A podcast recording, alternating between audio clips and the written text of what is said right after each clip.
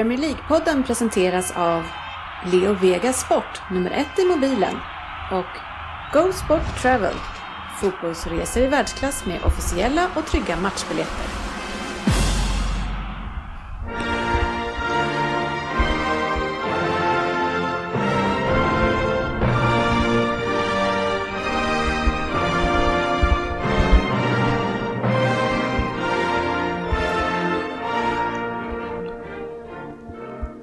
Det här är Premier League-podden, fansens egen podcast om Premier League.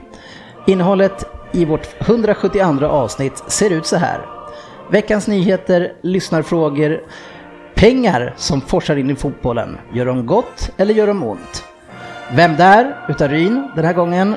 Eh, sen har vi utsände GV som har varit på plats i, på Sellers Park för att ta tempen på Roy Hodgsons Crystal Palace mot Southampton. Pratar också en del om Chelsea mot Arsenal. Avslutningsvis har vi då våra tävlingar som är Fantasy Premier League och Premier League-trippen som vi nu inför ett nytt inslag i. Det blir ju spännande, GV. Eh, Okej, okay. Går det så dåligt så vi måste ändra? Ja, det känns som att vi måste göra någonting i alla fall. Ja, ska vi köra singlar? det är svårt att... Lotto. Ja. Det är svårt att köra Premier League-trippen med singlar. Ja, jag vet. Premier League-lotto. Mm, ja. Keno. ja, GV har ni, som ni hör här, vi har Anders Ryn här också, välkommen. Tackar, tackar. Och vi har eh, Fabian Google Jalkemo. Han börjar sätta sig nu smeknamnet. Eh, tjena förresten. Hej. Det tar alltid sådär en två, tre sekunder innan du svarar, så man fattar aldrig om, har han hört det jag sa eller inte? Eller fattat. Ja, jag måste, lång betänketid där. Ja, men det brukar vara så. Det första, det första du säger, det tar alltid längst tid. Eh, jag själv är ja, här. Jag, jag, sitter och planerar. Ja, heter jag sitter Dennis. och planerar in, i min infline. Facit Kjellin, tack. det var inte lätt att få sagt det. Eh, och det kanske inte blir så lätt att få sagt så mycket här idag. Eh, då jag själv sitter med halsfluss och, och eh, lite feber. Kanske jag inte har idag, men hade det igår i alla fall. Men vad fan, jag är mer eh, imponerad av att ni vill ha mig här. Ja, men eh, vi tänker att du kanske är mer sansad om du är lite mer tillbakadragen. Eh, kanske en helt ny facit.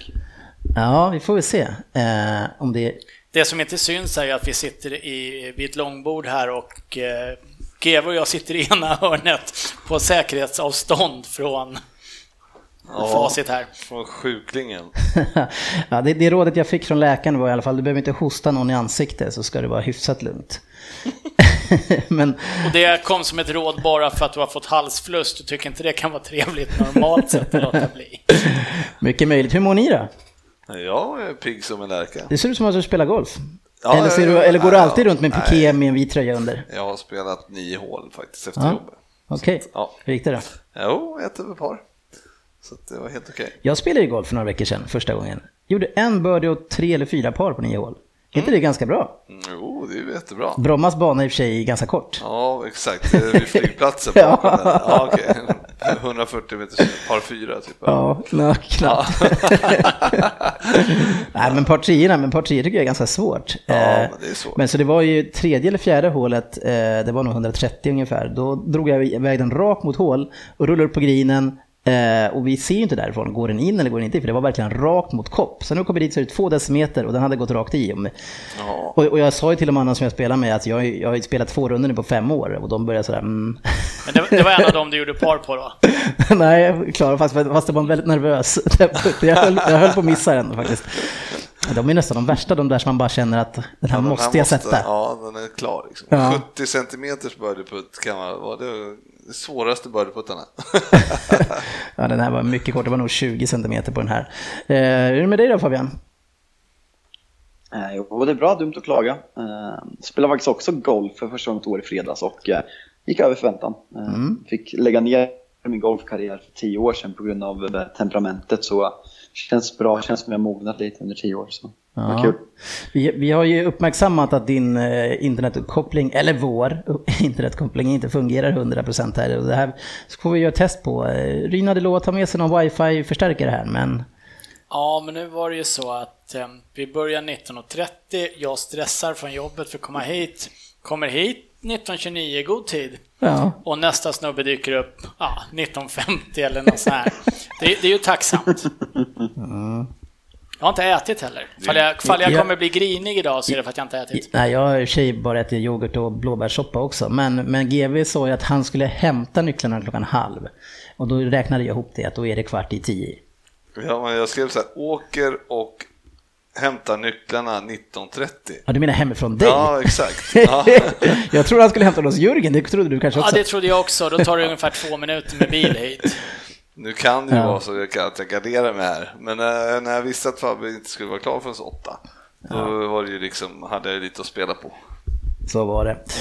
Eh, vi har ett, ett gediget eh, avsnitt med kanske lite seriösa diskussioner den här gången också. Vi ska se, eh, det tror jag att det passar med min Jakob Hård-röst som jag tycker att jag får i de här lägena.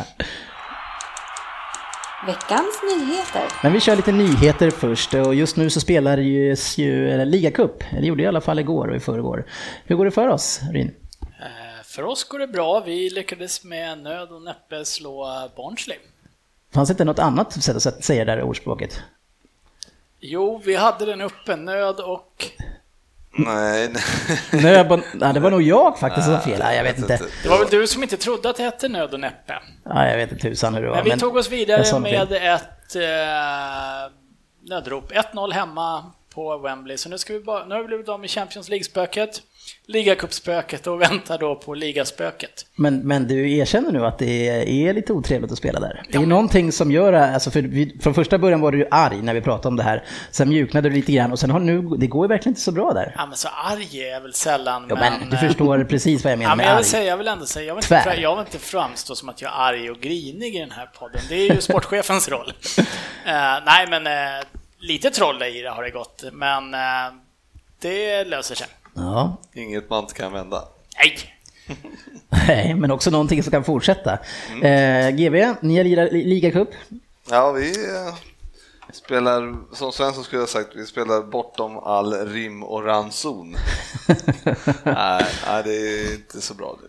Nej, eh, ni hade en svår lottning eh, mot Leicester, men förvisso de hemma va? Ja, och de spelade ju inte Mares och var det heller. Nej. Så det var ju inte så att vi, men vi hade ju inte, ja, vi var, vi var bra en halvlek. Ja. Sen var vi inte bra en annan halvlek. Det är ju trist. Ja, men ja, man måste göra mål på chanserna. Ja, en person som gick upp i falsett på våran chatt här nu i, i veckan, det var ju Fabian Google Jalk, Jalkemo som eh, eh, kollade på, nu är det någon maskin här som går igång Ja, jag har ju bara bett dig stänga av den. Men... Jaha, ja, det, det är inte så mycket som kommer in här. Registreras idag heller. Nej men Jalkemo han var så nöjd och sa att United aldrig har spelat bättre eh, när de mötte Burton. Lyrisk. Nu, eh, nu vet jag inte om du eh, läste vad jag skrev, men jag sa att eh, skrev igår under första halvlek att jag inte sett United ha en sån lekstuga mot eh, på de senaste tre, fyra åren. Och eh, det står jag fast vid, att det har varit sån klasskillnad och då har vi mött lag som har spelat betydligt lägre ner än vad Burton gör. Så eh, det var roligt att se Mata, Martial och Rashford framförallt spela fotboll i första halvlek igår. Det var det, var det jag sa. Han fick ju lite bassning Och så på det med det. Ryn. Ja, men alltså sitta och slå sig för bröstet för att världsspelare har lekstuga jag mot Burton. Jag njöt.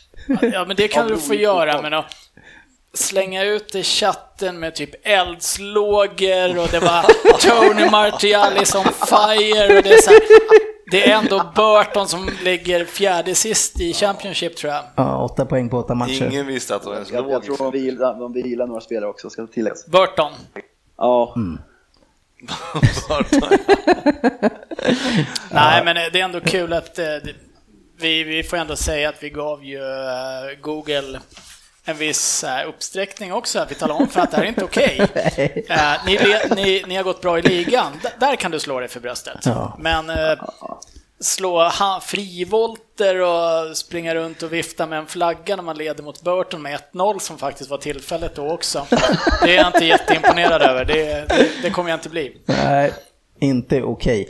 Eh, Manchester City hade ju, fick ju till slut en svår match. Eh, första 60-70 minuterna så vill inte West Brom spela fotboll, som de ofta inte vill.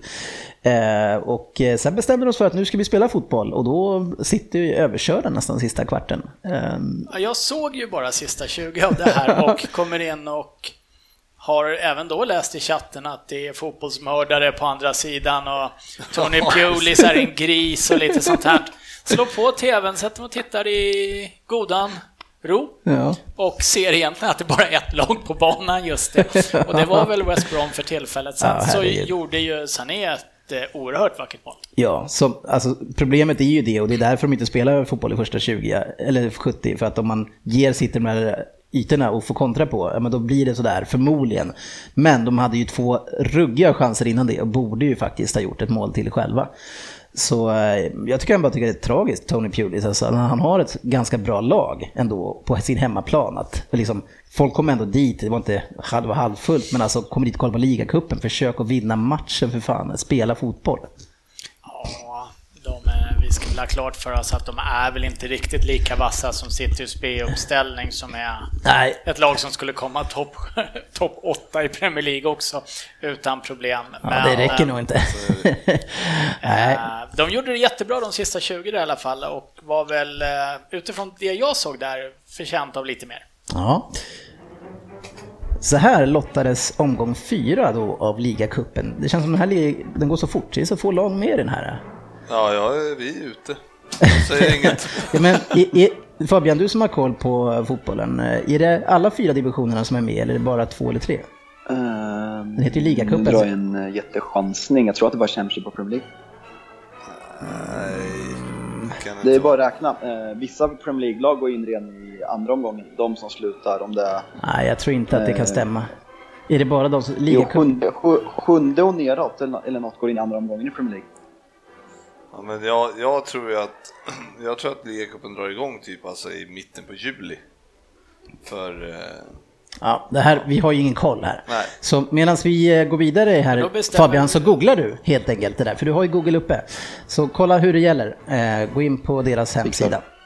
Eh, och de lottningen som blev då, då, det blir Tottenham mot West Ham och de möts väl också i ligan precis. Lördag. Tycker att det ofta blir sådana här dubbelmöten eller?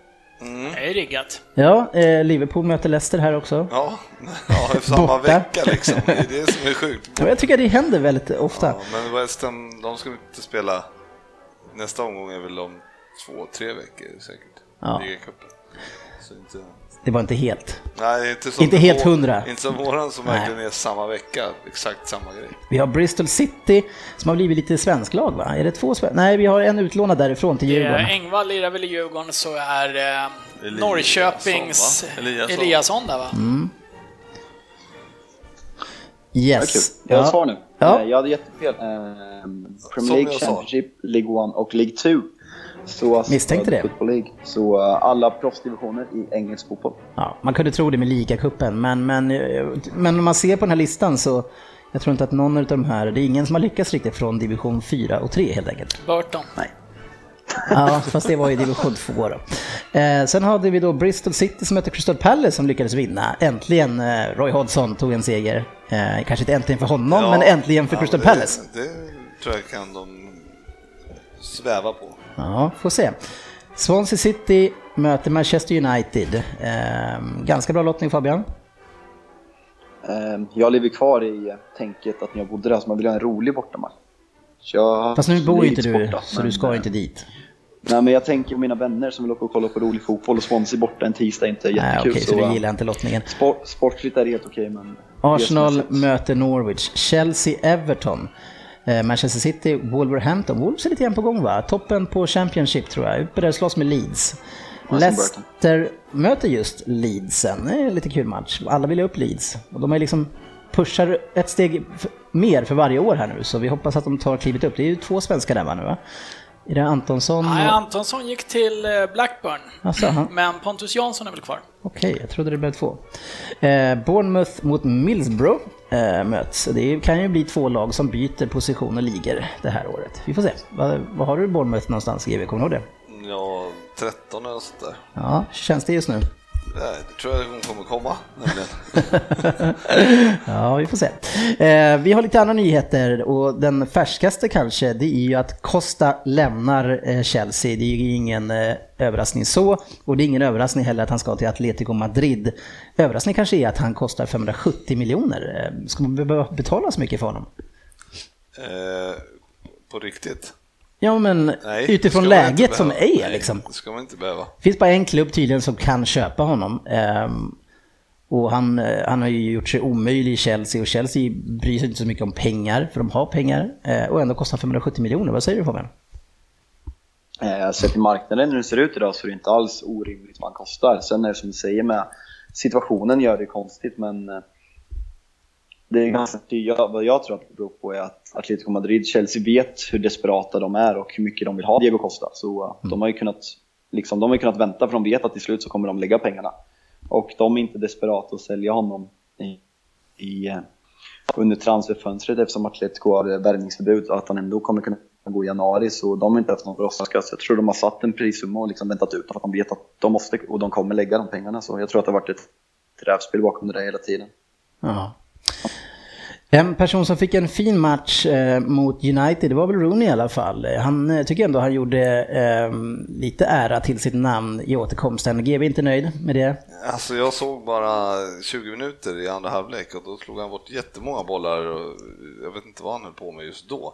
Nej. Men, eh, så jag vet inte riktigt. Han kanske var bra i första. Då vänder vi till någon som eh, kanske såg lite mer Fabian. Eh, jag tycker han var bra i första framförallt. I andra så mattades han av lite. Han fick ju jaga väldigt mycket i första då United var väldigt spelförande. Eh, såg ett roligt skämt på Twitter efter matchen. En, en eh, halvkänd United Twitterprofil som skrev som hela förra året var liksom Rooney ska inte vara på plan. Och han tweetade efter den här matchen att, eh, vad var det jag sa förra året? United är bättre när Rooney inte är på plan. Och vi gjorde ju tre mål de sista 20 när han gick av. Så det, det fortsatte ju vara sant från förra året. Så det var populärt. Mm, ja, men jag tycker ändå att han gjorde det bra och han, han, blev väl ändå hyllad rätt bra också va? Ja, det är klart han blev hyllad. Det ska han bli också. Han är vår mesta målskytt genom tiderna.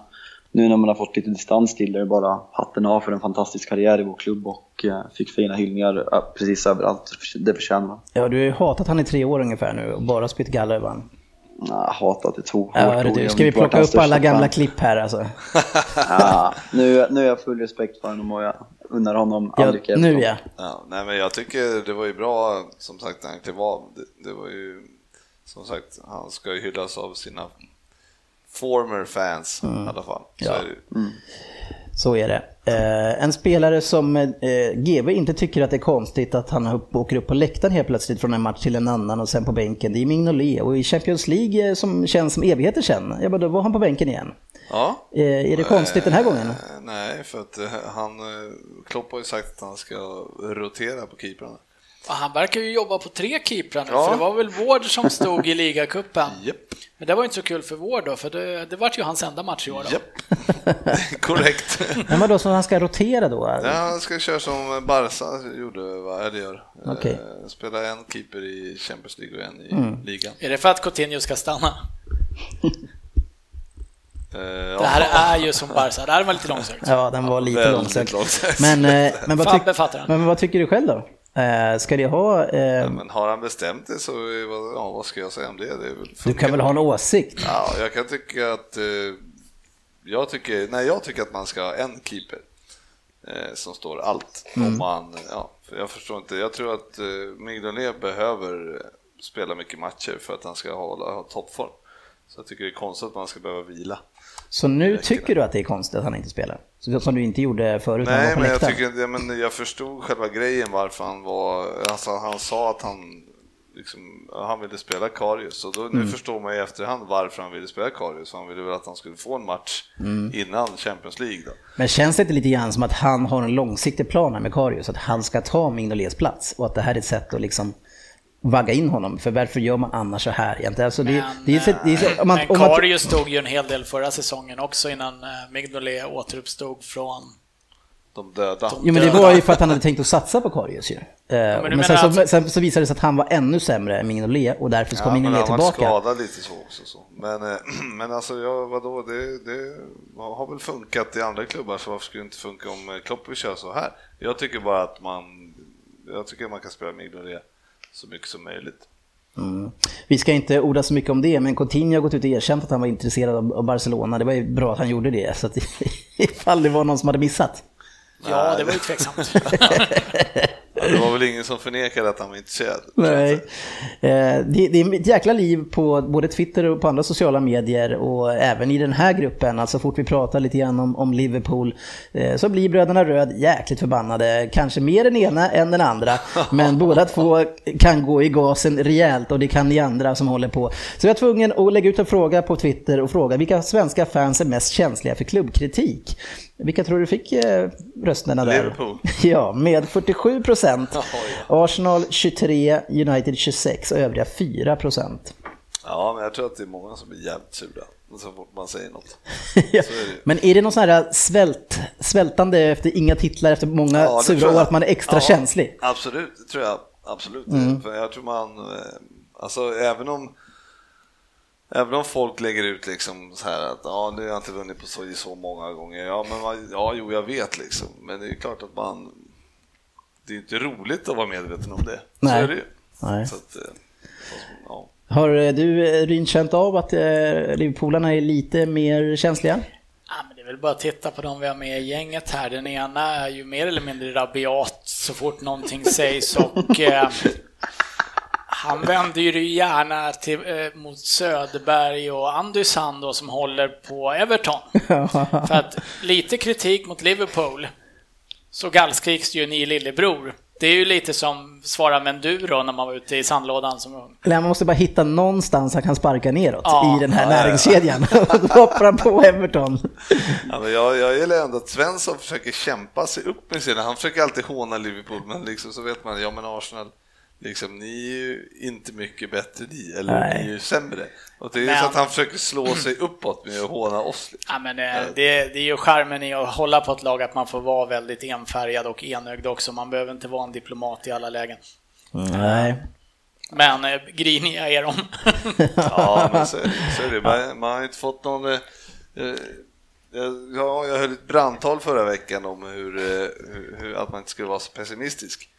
Men eh, sen så har man ju inte direkt svarat upp. Så efter fyra matcher utan vinst, då kanske man kan få börja jag, bli lite neg. jag uppfattade brandtalet som att problemet var att man höll på Liverpool.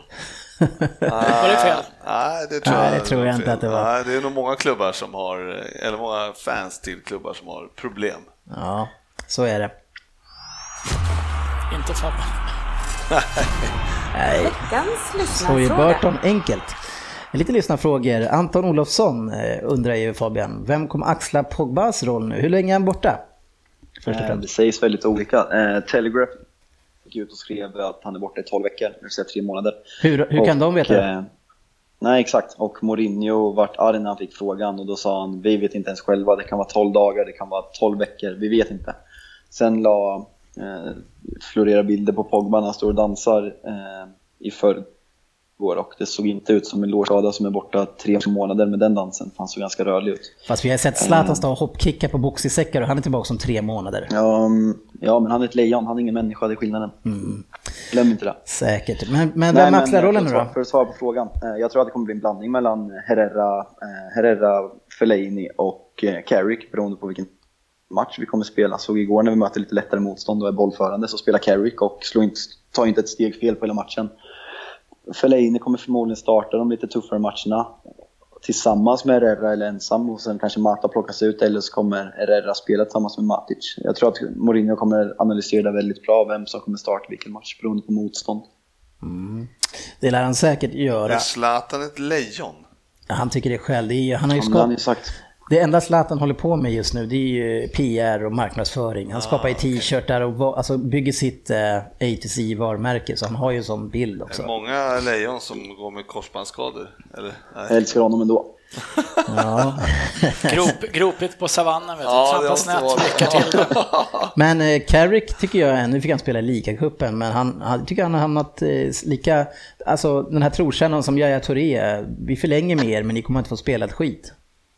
Och jag pratade med vi pratade om det i podden i somras när Carrick vart eh, utsedd till kapten, att folk tyckte att det var så bra och eh, startar han varje match så är det bra. Men han kommer starta de här matcherna i ligacupen och kanske någon enkel hemmamatch i Champions League och då tycker inte jag att man ska vara ordinarie första kapten för Manchester United. Så eh, jättebra att ha i laget. Jag tror det är mycket som en, att han ska vara papparoll för vi har fått väldigt mycket nya spelare och väldigt unga spelare. Att ha en spelare som Carrick då när Rooney lämnar tror jag är odödligt och det är därför, eller ovärderligt och eh, det tror jag är en stor del då för han fick förlängt kontrakt för att han ska vara en förebild för de yngre. Att de kan lära sig från honom. Vem är kapten när eh, han inte lirar?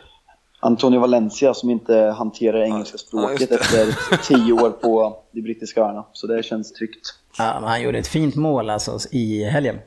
Ja, det- det är ju näst, nästan till perfek- perfektion. Alla som har spelat fotboll vet att får man en boll i sidled så det är inte lätt att slå till den på volley, alltså och få bra träff. Jag hade nog satt den till inkast eller så hade jag satt den på etage två på läktaren, så det, det är svårt. Eller dragit korsbandet? Ja, Fast Frippe, du hade ju klarat det där. ja det är ju Ja, han, är ju, han har bara vänsterfot. Var det- kom- han vilken- hade en ja, vilken yttersida kanske.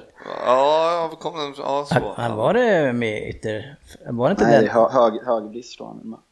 Ja, men jag är höger och vänsterfotad, så det är inget problem. Frippe har ju faktiskt dessutom talat om att han är bättre med högern än vad eh, större delen av Premier Leagues ytterbackar är med fel fot. Så att det här gör jag inte orolig för det här Frippe. Ja, jag, ja, ja, mm, det är faktiskt, det står jag för fortfarande faktiskt. Jag har sett många Jag spelade hela poddmatchen med fel fot va? Ja, det gjorde jag faktiskt. Ja, det är riktigt bra. Jar Lex- Rexlinger plus många andra har ju en del att tycka som, om våran trippel. Det är en del som tycker om våran framfart där. Märkligt. Men jag, vi kan ju inte hjälpa att Tottenham sviker. Nej, det kan vi kanske inte hjälpa, men vi... Eh, vi klarar vi den här övrigt eller? Ja, Ja, bra. Men så här är det nu. Det var ju ganska säkert. United 4-0 och City 6-0. Ja, det var ganska Ja, såklart. Vi ska gå vidare på Uniteds-lagen och bara hitta någon annan också som kan vinna match. Ja, det är inte Tottenham. Ja, men jag, Men jag, nu för, jag, spelar vi borta till helgen, så nu kan, kan vi ha chansen. jag, jag föreslog till exempel, man har ju föreslagit Newcastle och sådär, men de ska ju åka ur enligt dig. Ja. Med sina tre raka vinster nu. Precis, och de får nog kryss i helgen också. Atsu sämre än någonsin. Men eh, för att det inte ska bli sånt här snack att jag sa det ena, jag sa det andra, så har han föreslagit någonting här och det ska vi plocka upp. Att vi kommer som vanligt göra våran trippel tillsammans och den ska vi spela. Men alla ska få säga sin trippel innan vi lägger på. För så kan vi följa upp sen efter avsnittet. Satte man, vilka satte sin trippel? Hur många av sina satte man? Och så vidare och så vidare. Sen kan vi sitta här på riktigt och peka finger åt varandra. Ja, det är bra. Det känns skönt. Och sen så kommer vi föra statistik över det här. Eh, Och Fabian, du som eh, pluggar har massa tid över i livet. Du kommer få uppgift att hålla statistik på hur det går för oss i våra tripplar. Det låter väl bra? Jag får mycket uppdrag nu alltså. Ja. Det, ja, men det är kul. Det ställer vi upp på. Och du hade ju ett annat uppdrag som du gjorde första gången du intervjuade på Facebook Live, Frippe, i veckan. Berätta lite grann om det och vad som komma skall. Äh, nej, men ett nytt upplägg för poddens räkning då, där vi kommer köra lite Facebook Live, där jag kommer eh, ringa upp olika personer. Eh, det kan vara någon i podden, det kan vara en lyssnare, det kan vara någon annan känd person eller bara någon som jag tycker är intressant. Och prata om aktuella ämnen. Det kan vara inför en match, det kan vara efter en match, det kan i stort sett vara vad som helst. Så eh, har ni önskemål på något eller vad ni hör av er så ska vi se om vi kan lösa något. Så, hoppas vi att det här blir bra. Ja, Det kan också vara som i lördags att man inte, man bestämmer det och sen så ringer man inte alls. Ja, det vart inget då. Får, man, eh, får vi komma med önskemål det var- om vilka var- du ringer upp Fabian? Absolut, det var kick-off med skolan i fredags så ja, vi lämnar det. För jag tror att det är väldigt många, både lyssnare och här vid bordet, som vill se dig intervjua Night King. Night King är ju en, eh, en läsare som brukar kommentera våra poster på Facebook och eh, som sagt Night King, hör av dig till mig så eh, kan vi prata lite och se om vi kan styra upp någonting för jag tror vi i podden skulle tycka att det var väldigt kul att ha en intervju med dig, så hör av dig. Du, du får locka att du tar med Söderberg också, så har vi chansen kanske. Ja, Ja, jag, jag, känner, jag ser det som att det är mest läskigt. Han ser väldigt läskig ut på bilden i alla fall. Ja, så är det. Nu hör vi en sån här.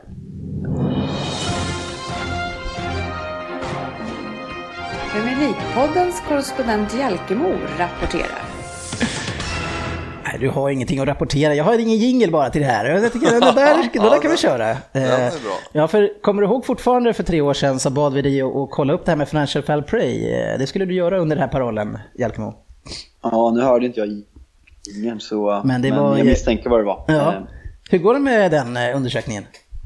ah, det går sådär om jag ska vara ärlig. Det känns inte så aktuellt nu som ingen följer så vi, jag, jag såg in i framtiden. Nej, och det är en bra övergång till vad vi ska prata om nu. För vi ska ju enligt önskemål på Facebook eh, diskutera de här pengarna som har dykt upp nu i Premier League. Eh, inte nyligen, utan, men det blir bara mer och mer och mer. Och Mattias Mård, han säger ju eh, ordagrant, vill höra Facit och Fabbe prata om deras lag och eh, som har truppvärde på 8,6 miljarder respektive 7,9 miljarder. De sitter enögt och hyllar sina lag så det kan vara en sak att man ödmjukt ska ta med i beräkningen av de här prestationerna. Eh, vi börjar med det. Eh, och så tänker jag att vi ska gå ner på djupet kring det här och ha en, en riktigt seriös diskussion där vi inte sitter och kastar skit åt det ena hållet eller det andra, utan verkligen diskuterar det här på djupet. Eh, vi, för vi ska ju vara sansade. Ja, ja, det här Det ska är bli så allvarligt. Ja, eh, först och främst då, då tänker jag att, ni, att vi börjar med att ni alla tre här och kanske jag också spontant får tycka till om vad ni känner med alla de här pengarna som klubbarna har numera. Vi börjar med Ryn. Ja, men det är på gränsen till snuskigt mycket pengar som spenderas. Eh, Det går väl inte att säga någonting om det. det den som tycker att det är för lite pengar eh, skulle jag vilja höra motivera det när man hör spelare köpas för över miljarden. Nu var det inte i Premier League, men Neymar, vad var det, 2,2 miljarder. Det, det är ju snuskigt mycket pengar. Utan tvekan. Så att, men det, det är ju verkligheten också. GV? Jag tycker väl att det, eh, det är tråkigt på det sättet att eh, man bara sitter och gör av med pengar som man egentligen inte har. Som i PSG så eh, Citys fall där man eh, liksom ekonomiskt dopar sig för att man skiter egentligen i och, eller vad man har för eh, alltså hur företaget går. Jag, jag, jag som är en ekonomisk man, jag, jag kan inte förstå hur man bara kan sitta och kasta iväg sina pengar bara för att man tycker det är kul. Och det är liksom som att pissa på hela världen känner jag. Liksom, så, så att eh, folk liksom svälter och skiter så sitter jag bara här och bränner x antal miljarder bara för att jag tycker att det är kul. Liksom. Så det tycker jag är mer så. Du tycker att alla de ska skänka bort sina pengar i alla fall, i all, istället? Däremot så har det Nej, väl men- kommit några här, är det Mata, du får rätta mig i Google här, men som skänker 1% av sin lön till välgörenhet? Apropå Ja, det här med att skänka bort pengar. Jag vet att det var flera landslags... Vad heter det? Mats Hummels, han har startat ett projekt Matta, eh, som han uppmuntrar alla idrottsstjärnor egentligen att hänga på att skänka 1% av lönen. Och eh, vet att Mats Hummels har hakat på och eh, amerikanska damfotbollsspelaren Alex Morgan heter hon va? Eh, Ja, det heter de hon. känd, hon är snygg. Det var där- därför vi visste det va? Nej, jag tycker att det är en fantastiskt duktig fotbollsspelerska. Ja, alltså där dömer vi inte eh, fotbollsspelare Fabian. Nej, men det är de, det är de, som, de kändaste som har hängt på och sen var det någon mer damfotbollsspelare och de hoppas väl att fler kommer haka på för det är en väldigt fin gest. Och eh, Mata känns som en bra ambassadör för det, för han känns genuint som en fin människa tycker jag. Ja, hur känner du själv kring pengarna? Eh, Du är ju en av de som har mest.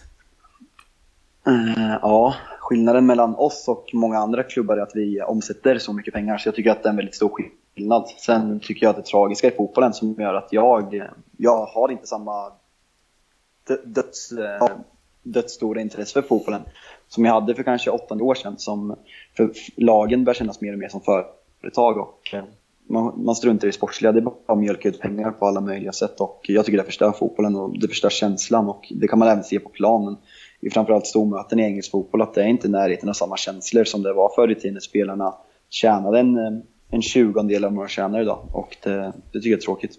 Men jag håller ju med, jag håller med Fabbe där att United känns ju, de är ändå världens största klubb typ. Så att jag liksom, gör, man, gör de av med en miljard så tycker jag att det kan, ja på Pogba, ja okej, de har pengar och man vet ju att han, Glazer va, han va?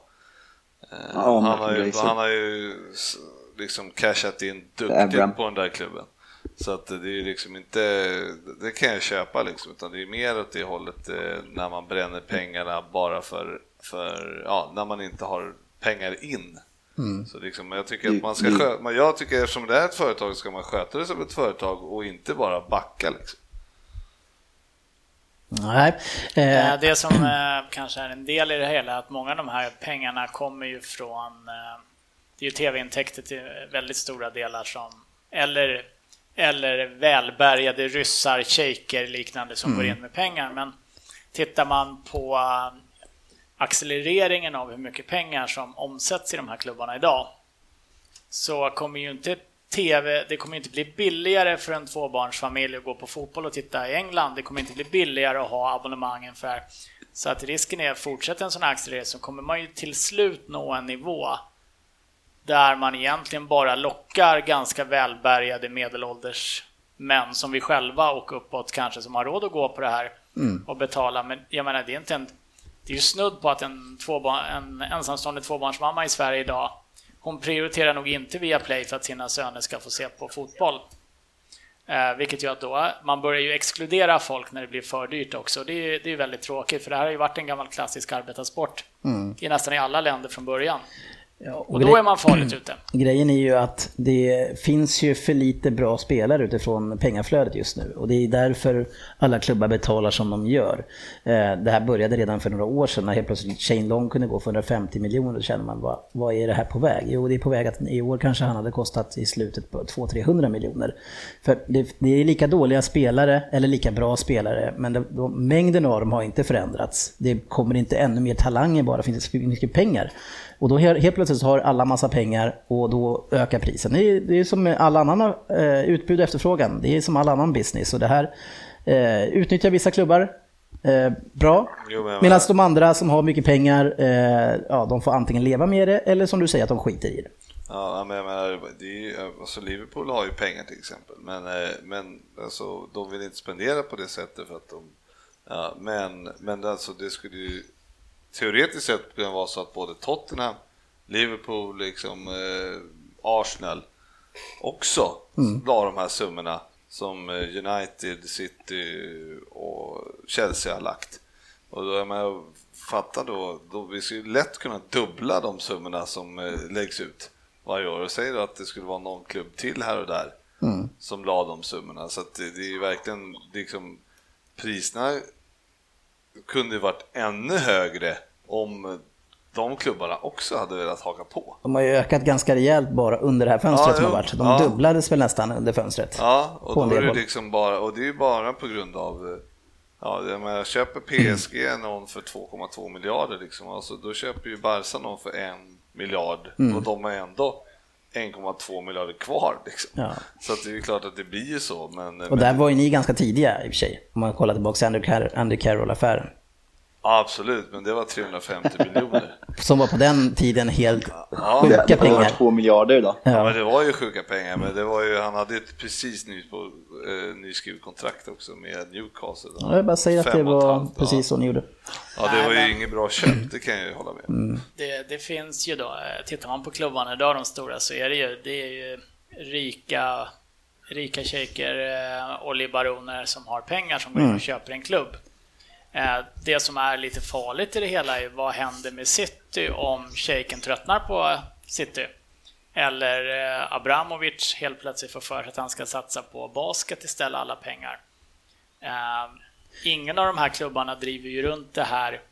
Ja, United gör ju det, för de har ju den omsättningen, men det är ju många klubbar som är, sätter sitt väldigt beroende till externt kapital också. Och det är väl inte helt lyckat ur ett ekonomiskt perspektiv om det skulle hända någonting ett världskrig, olja, alltså vad händer då?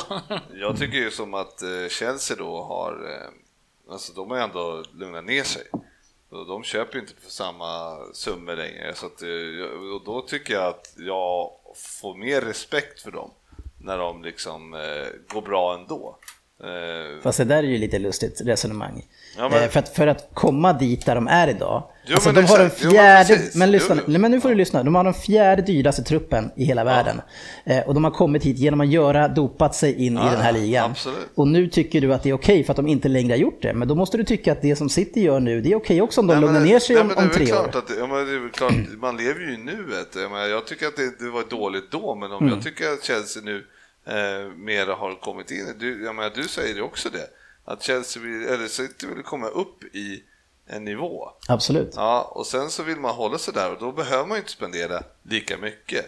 Så om City då kan ligga och eh, liksom i, ja, i, om tre, fyra, fem år ligger och bara på samma nivåer som de andra klubbarna, då kan jag köpa, okej, de, nu gjorde de så för att komma upp, så ja, då, ja, det, det har man väl glömt då. då.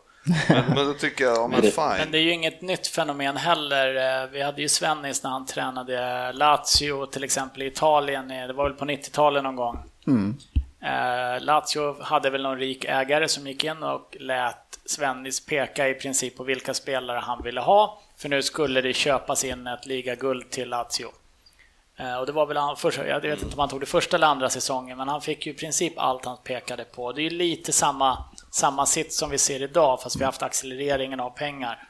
Att det, det är högre Max- belopp idag, men att klubbar väljer en rik välgörare som går in och skjuter in pengar, det, det är ju inget nytt fenomen i sig. Det ser vi ju i svensk fotboll också. Jag vet inte hur många gånger man har läst om den hemlige miljonären som det är AIKs hemliga miljonär och det är Djurgårdens hemliga miljonär och det Ja, Norrköpings har vi aldrig hört talas om Fabbe, men det finns ju ett par. Ehm, han, han vill bara ha pengarna, så det är Peter Hunt heter han. Ja. Här ska tänkte att vi inte skulle hänga ut någon här. Ovänt, ovänt, oväntad namedrop i Premier League-podden. Ja, men eh, jag menar, alla klubbar har ju på något sätt, det, det är inget nytt fenomen med att det kommer in rika ägare eller rika personer i kretsarna kring dem. Så att, Men, men GV, om vi håller kvar oss då på Chelsea och City. Kan du se utifrån utvecklingen som var när det var och så som det har varit lite grann att hade de kunnat gjort, eh, fått den här utvecklingen, lyckats med det de har gjort utan att göra så här? Eh, nej, tror jag inte. Men eh, men jag tror att det, det där är en balansgång tycker jag. Jag, menar, jag tycker som Chelsea, eller det som Chelsea och jo, har, har gjort båda två, är att de har köpt mycket dåligt också. Är du med? Så att de har liksom köpt det när de var letade efter de här för att bli bra. Då köpte de ju mycket skit också som liksom vä- fick vända i dörren typ. Så de har ju spenderat så oerhört mycket pengar på, på spelare som de inte ska ha liksom. Eh, Så, att, det- så det är ju liksom ba, bara, liksom bara bränna pengar på onödiga saker. Det känns bara så, det känns bara så dåligt liksom. Varför köper man de här spelarna som man egentligen inte behöver? Och sen, sen eh, måste jag ju bara rätta dig där om Carroll för övrigt. Det var ju så att vi sålde ju Torres Nej, nej, för jag visste 500 att det miljoner. komma. Det är det är sämsta argumentet Ja, som finns. nej, nej, nej, men, Men det, var ju, men det, vet, det vet jag väl. Ja, men jag bara säger det att... Det, Du fick 500 Nej, men- ja, men det, är var precis det du sa Ja. om Barcelona. Ja, ja men precis. Så att det var ju som pengarna drar ju iväg på grund av att Ja, man ja, får och det var pengar det in. jag sa också. Så vad var det du skulle säga emot då? Men det sa du väl inte? Jo, det var precis det jag sa. Att ni Nej. köpte honom dyrt tack vare att ni gjorde det som Barcelona gör nu.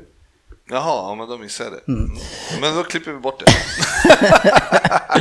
Nej, det ska vi inte göra. Men det här är ju, det är ju intressant det här. Och, och jag ska prata utifrån Citys eh, håll. Så absolut, jag håller med. Vi har köpt så jäkla mycket skit. Vi har spenderat pengar åt helvete så jäkla mycket åt alla håll. Men det har berott på någonting. Det har berott på just att vi inte kunnat göra det som eh, Manchester United eller Arsenal har kunnat göra. Vi har inte haft varumärket. Det, det har varit en mellanklubb, liksom. det är bakgården i, i Manchester.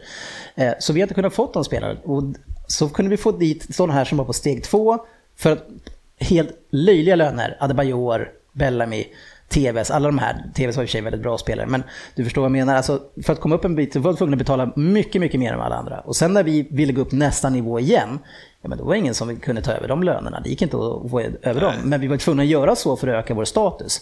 Eh, och, och tyvärr de senaste åren så hade vi då eh, managers som inte hade den här eh, glorian kring sig. Pellegrini, jag menar han fick ju lägga ut för Mangala 400 miljoner. Liksom. Det är ju av de... Bonny 35 eller vad Ja, det, det är så mycket dåliga köp som har gjorts tack vare att inte vi har haft varumärket. Men det som hände när man tog in Pep Guardiola, det var att nu fick man varumärket. Nu kan vi ta in de spelarna vi vill ha och behöver på riktigt. Så jag tror ju, jag säger inte att vi inte kommer att fortsätta spendera, men jag tror att nu kommer vi kunna öka nivå. Sen om Peps fotboll eh, tar oss det, det är en annan fråga. Men med, med Pep Guardiola så har han höjt eh, statusen på Manchester City som varumärke och som klubb. Som gör att många spännande spelare vill komma hit som man inte ville förut. Ja, men Klart det är så. Ja.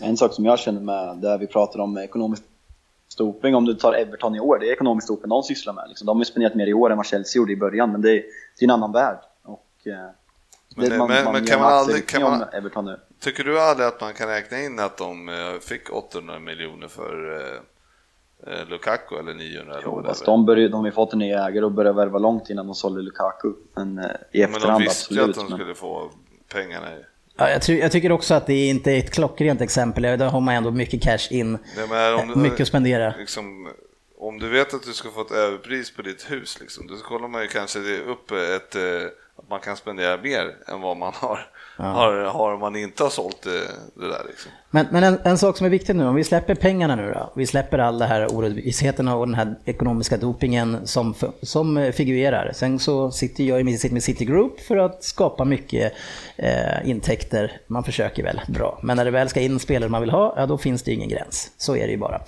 Men Eh, Eh, om vi tittar tillbaka i ganska många år och vi kommer tillbaka till 90-talet, eh, i början på 2000-talet däromkring så fanns det nästan bara två lag varje år i ligan. Det var lite grann Real Madrid och Barcelona i England med Arsenal och Manchester United. Eh, ganska mycket så i alla fall. Och innan det, på 80-talet, men då var det Everton och Liverpool eh, som ägde showen. Eh, så det som skedde nu med, först med Chelsea som kom upp och blev starka, sen kommer City upp. Tottenham har lyckats på ett annat sätt. Inte ägde Everton showen på 80-talet. Ja, det var ju tre ligaguld då tror jag. Ja, 86. Jag tror, tre, två eller tre ligaguld på 80-talet, så det där får du nog kolla Ja, upp. jag kollade på 86 tror jag. hockey då. Ja, men de har ju, eh, de fick ju inte spela i Europa för att Liverpool, eh, Liverpool döda italienare. ja, på Hoppas inte det. Nej, Everton var, var faktiskt ett storlag på den tiden. Men eh, det vi skulle prata om nu då, det är att vi har ju ökat bredden i toppen här, eh, tycker jag. Och sen hur det har gått till, det har vi pratat om. Men vad tycker vi om utifrån läget är? Är det bättre, har pengarna varit bra eller dåligt utifrån ligan som den var förra året eller som den är i år? Det är väl Vi vann ju mer förr i tiden. Ni vann ja. Ja, det var kul. Nej, men, eh, Jag vissa, vissa ligor mår ju bra av att ha en stark topp. Skulle vi titta på um, tar allsvenskan så skulle ju Sverige må bra av att Malmö och något lag till etablerar sig på toppen för att stärka ligan i sig. Eh, tittar man på Premier League så är det väl så att det är ju en topp 5-6 kvart, eh, alltså 5-6 lag där uppe. 5-6 kvartett. Ja, jag försökte avbryta mig men jag misstänkte att den skulle höras.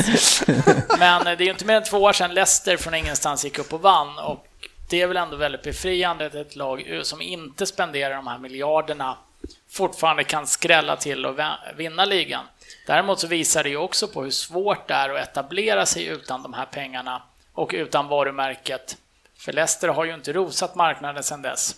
Nej, men jag, jag tycker Leicester är ju en gång ingen gång och det var fantastiskt och det är härligt. Men det jag vill ändå att vi ska diskutera nu för det, det, det har vi United, vi har City, vi har Arsenal till viss del, Liverpool, vi har Tottenham, eh, sa jag Chelsea. Eh, vi har i alla fall sex lag som, alltså när vi ska tippa ligan inför seriestart, vi, vi hade ju inte riktigt någon aning. Eh, sen började United bra och då tror alla att de skulle vinna. Innan det trodde vi City. Eh, sen började helt plötsligt folk glida över till Chelsea. Jag trodde väldigt mycket på Tottenham från början. Eh, så jag menar, det, det jag vill komma till bara om vi kan bedöma det utifrån vad vi har fått. Har pengarna varit bra eller dåligt? Utifrån det perspektivet. Sett, sett till det här perspektivet tycker jag att det har varit bra. Det är liksom en så oviss liga är helt underbar för oss som älskar Premier League. Sen tror jag att att eh, den sista, senaste årets torka på europeiska topplaceringar för engelska lag har blivit drabbade över att ligan är så jämn och det är så mycket tuffa matcher kontra exempelvis Real Madrid och Barcelona.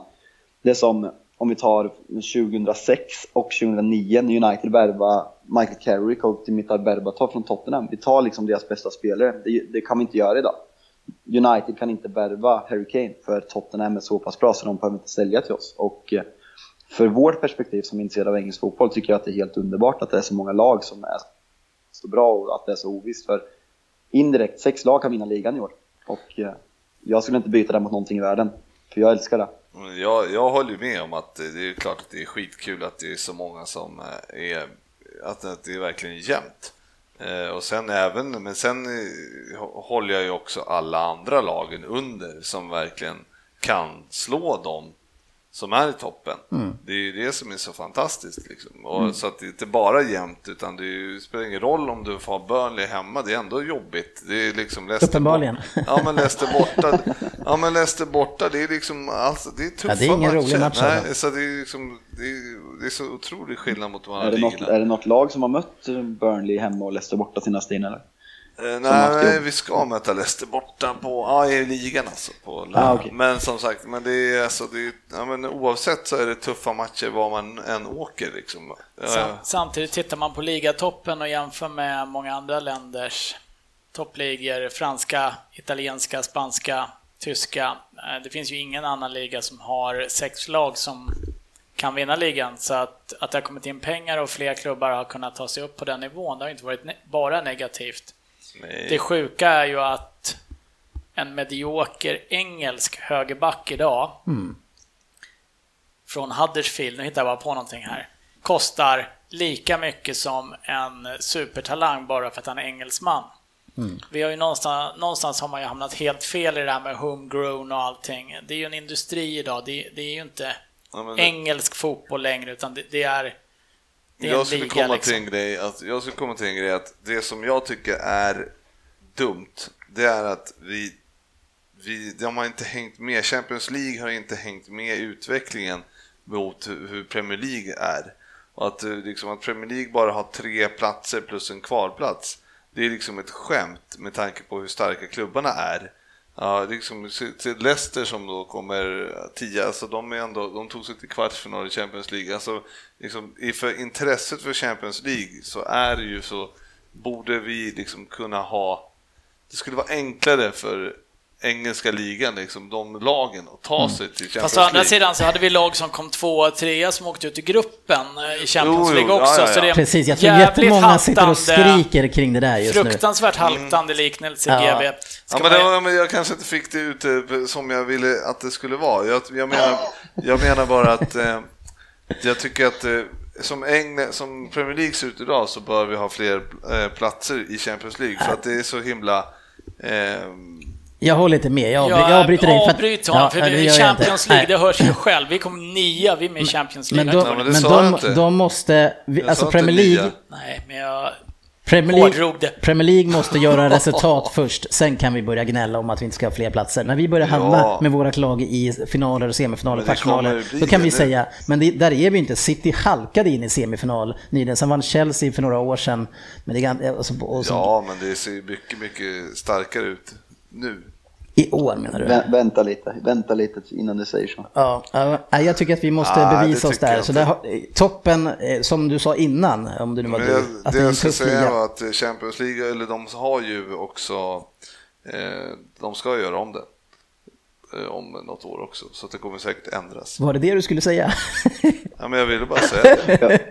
Jag vill bara säga en sak apropå det vi pratar om ekonomi och företag som klubbar. En sak som jag tycker är väldigt väldigt negativ för fotbollen är liksom att man märker att klubbarna de, de bryr sig om pengar och eh, de bryr sig mer att en svensk rik eller en asiat eller vad som helst att de kommer och betalar 10 000 för att se United-Liverpool än att den här lokala familjen har råd att betala samma biljetter för att få, få de biljetterna. Och eh, det är inte så det ska vara. Nej, Folk men du är en romantiker nu. Alltså, vi, har pratat, vi har pratat om i 20 minuter att det, att det här är företag. Vilket företag vill inte sälja en stol för 10 000 kontra någon för 500 Nej, spänn? Det säger ju sig självt. Samtidigt klagar folk att det är dålig stämning. Då tar man dit svenskar som jo, inte kan, kan bidra med stämning kontra en, en Vi har sett den utvecklingen, absolut. Men det är svårt att klandra en klubb för att de säljer en, en stol för många tusen istället för 500 när det drivs som ett företag. Det är det jag menar. Sen kan vi tycka det är tråkigt, det är en romantisk tanke, men, men det är ju, så är det ju. Jag gillar att eh, romantisera om fotbollen. Ja, En, en, sak som jag undrar lite grann, eh, nu har vi den här pratat om topp 6, men sen så har vi rest också, som alla har ju pengar.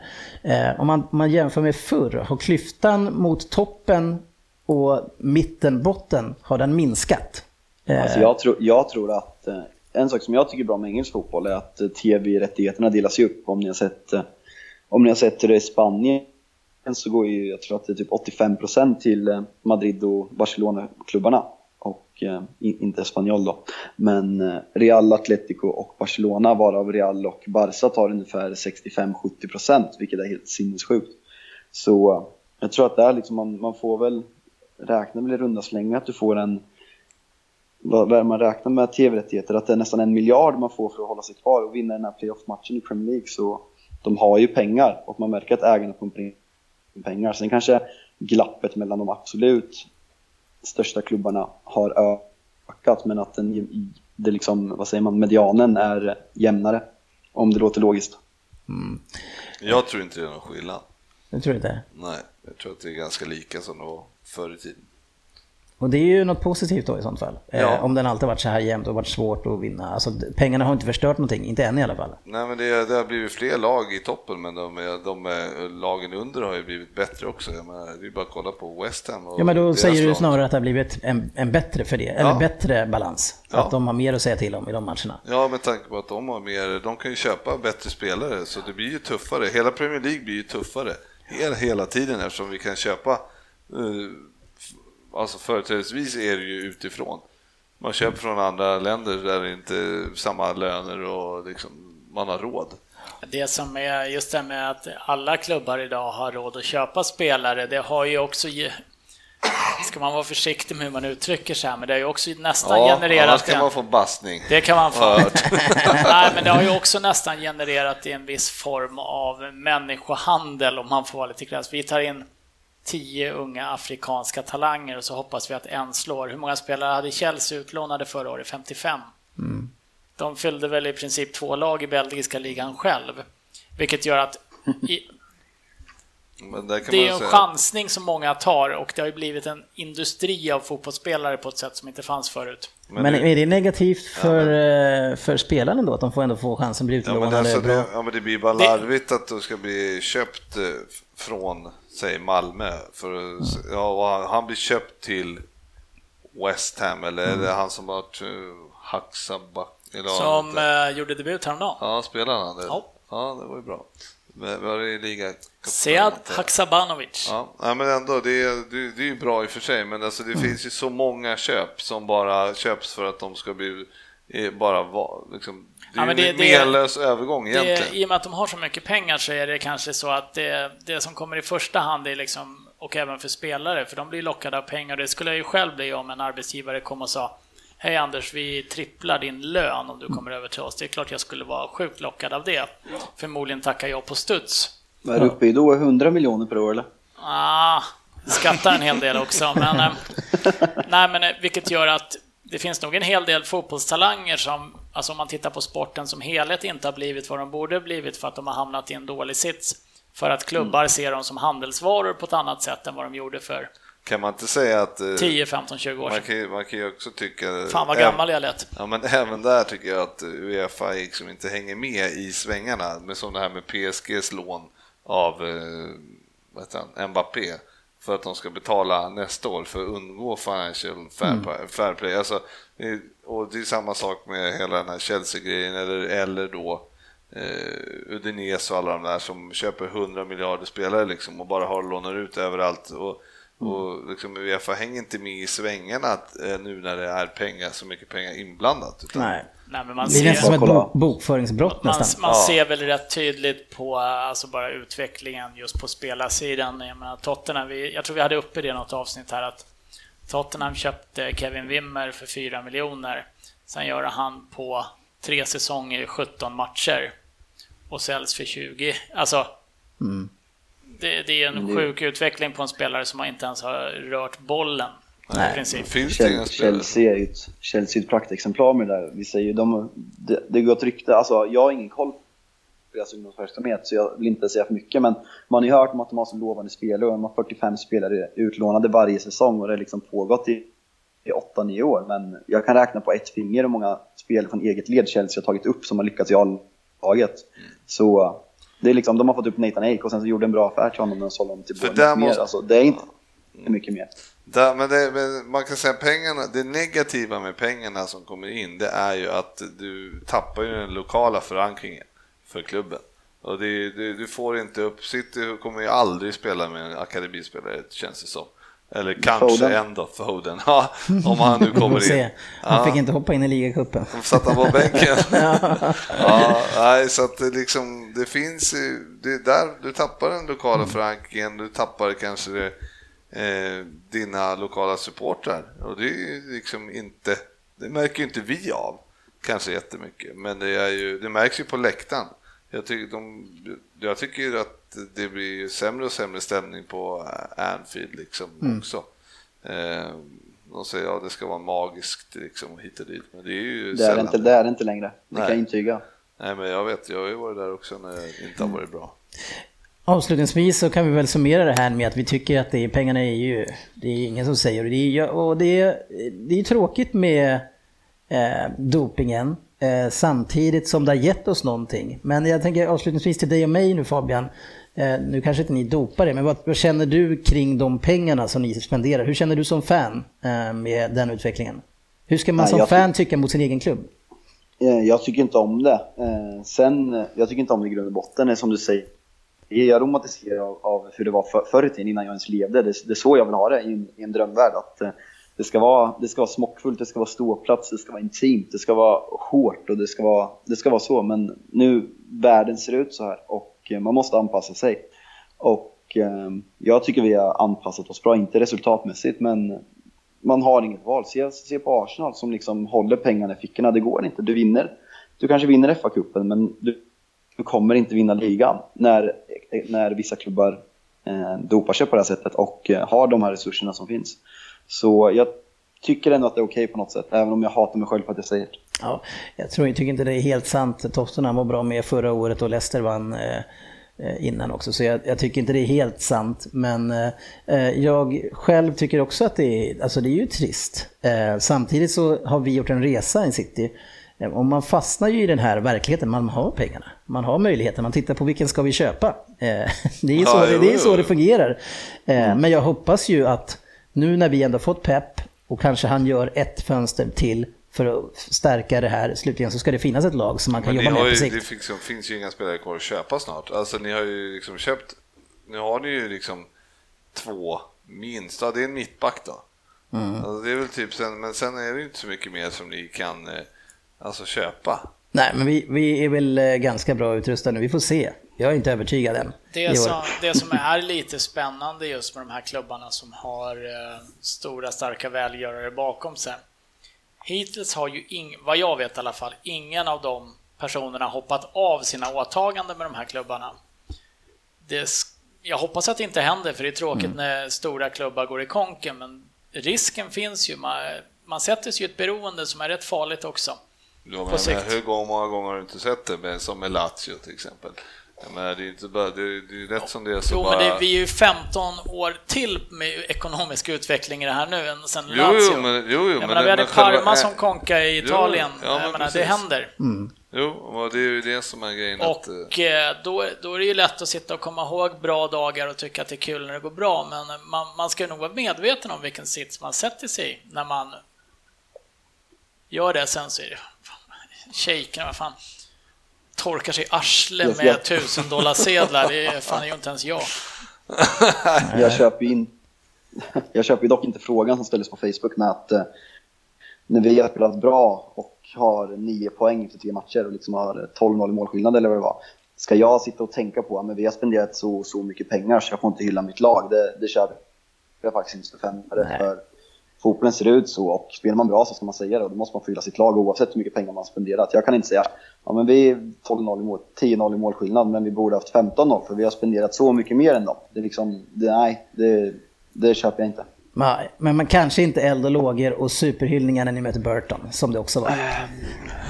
Tony Martial. Men, men Nu, det- eh, men nu ska vi- en en sista ordet ord. från- Ja, det är att man kan ändå hoppas att eh, scouterna blir lite bättre också, så att man Mm. inte behöver köpa spelare för 500 miljoner som eh, man sen får eh, vända i dörren. Liksom. Ja, kan jag hoppas på det. Eh, hoppas vi inte behöver vända i dörren med en nolla här på Anders Rins eh, vändar. Det har varit många sådana för mig. Det är inte omöjligt. Nej, jag, Den här är snabbt ihopskriven. ja, eh, vi får se om den är snabbt fixad också, för nu kör vi.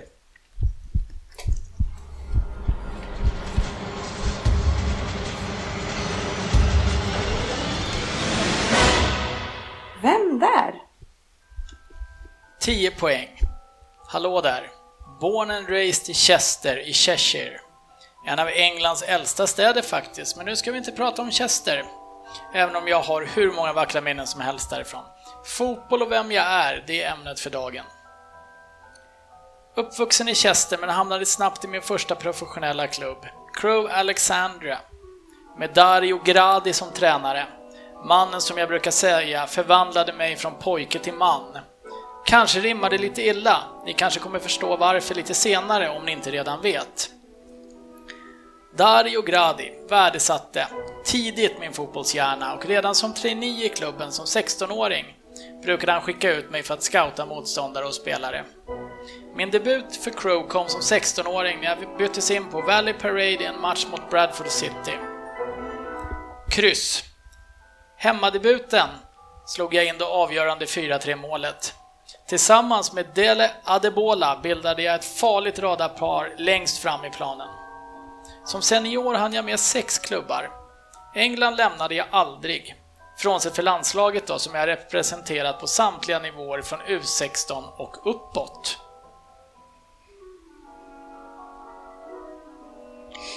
Jag har ju varit i crew. Så jag känner lite connection med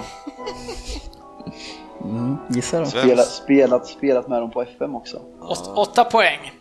Min framfart i Crew satte såklart avtryck bland större klubbar.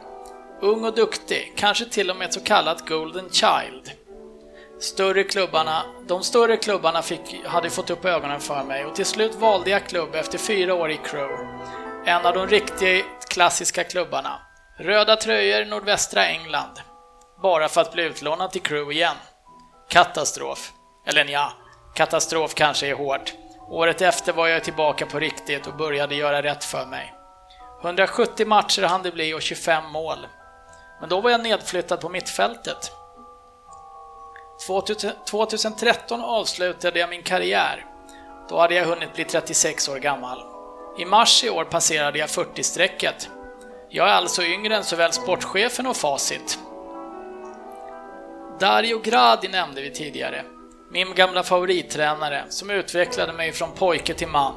Tyvärr är han väl mest idag känd för sexskandalen som skakade engelsk fotboll och involverade många unga killar. Därav att det kanske var olämpligt sagt tidigare. Jag stod dock alltid på Gradis sida. Känner igen den här historien. Han kanske varit med förr, jag har ingen aning. Nej, det behöver jag inte. Det behöver inte skämmas för. Nej.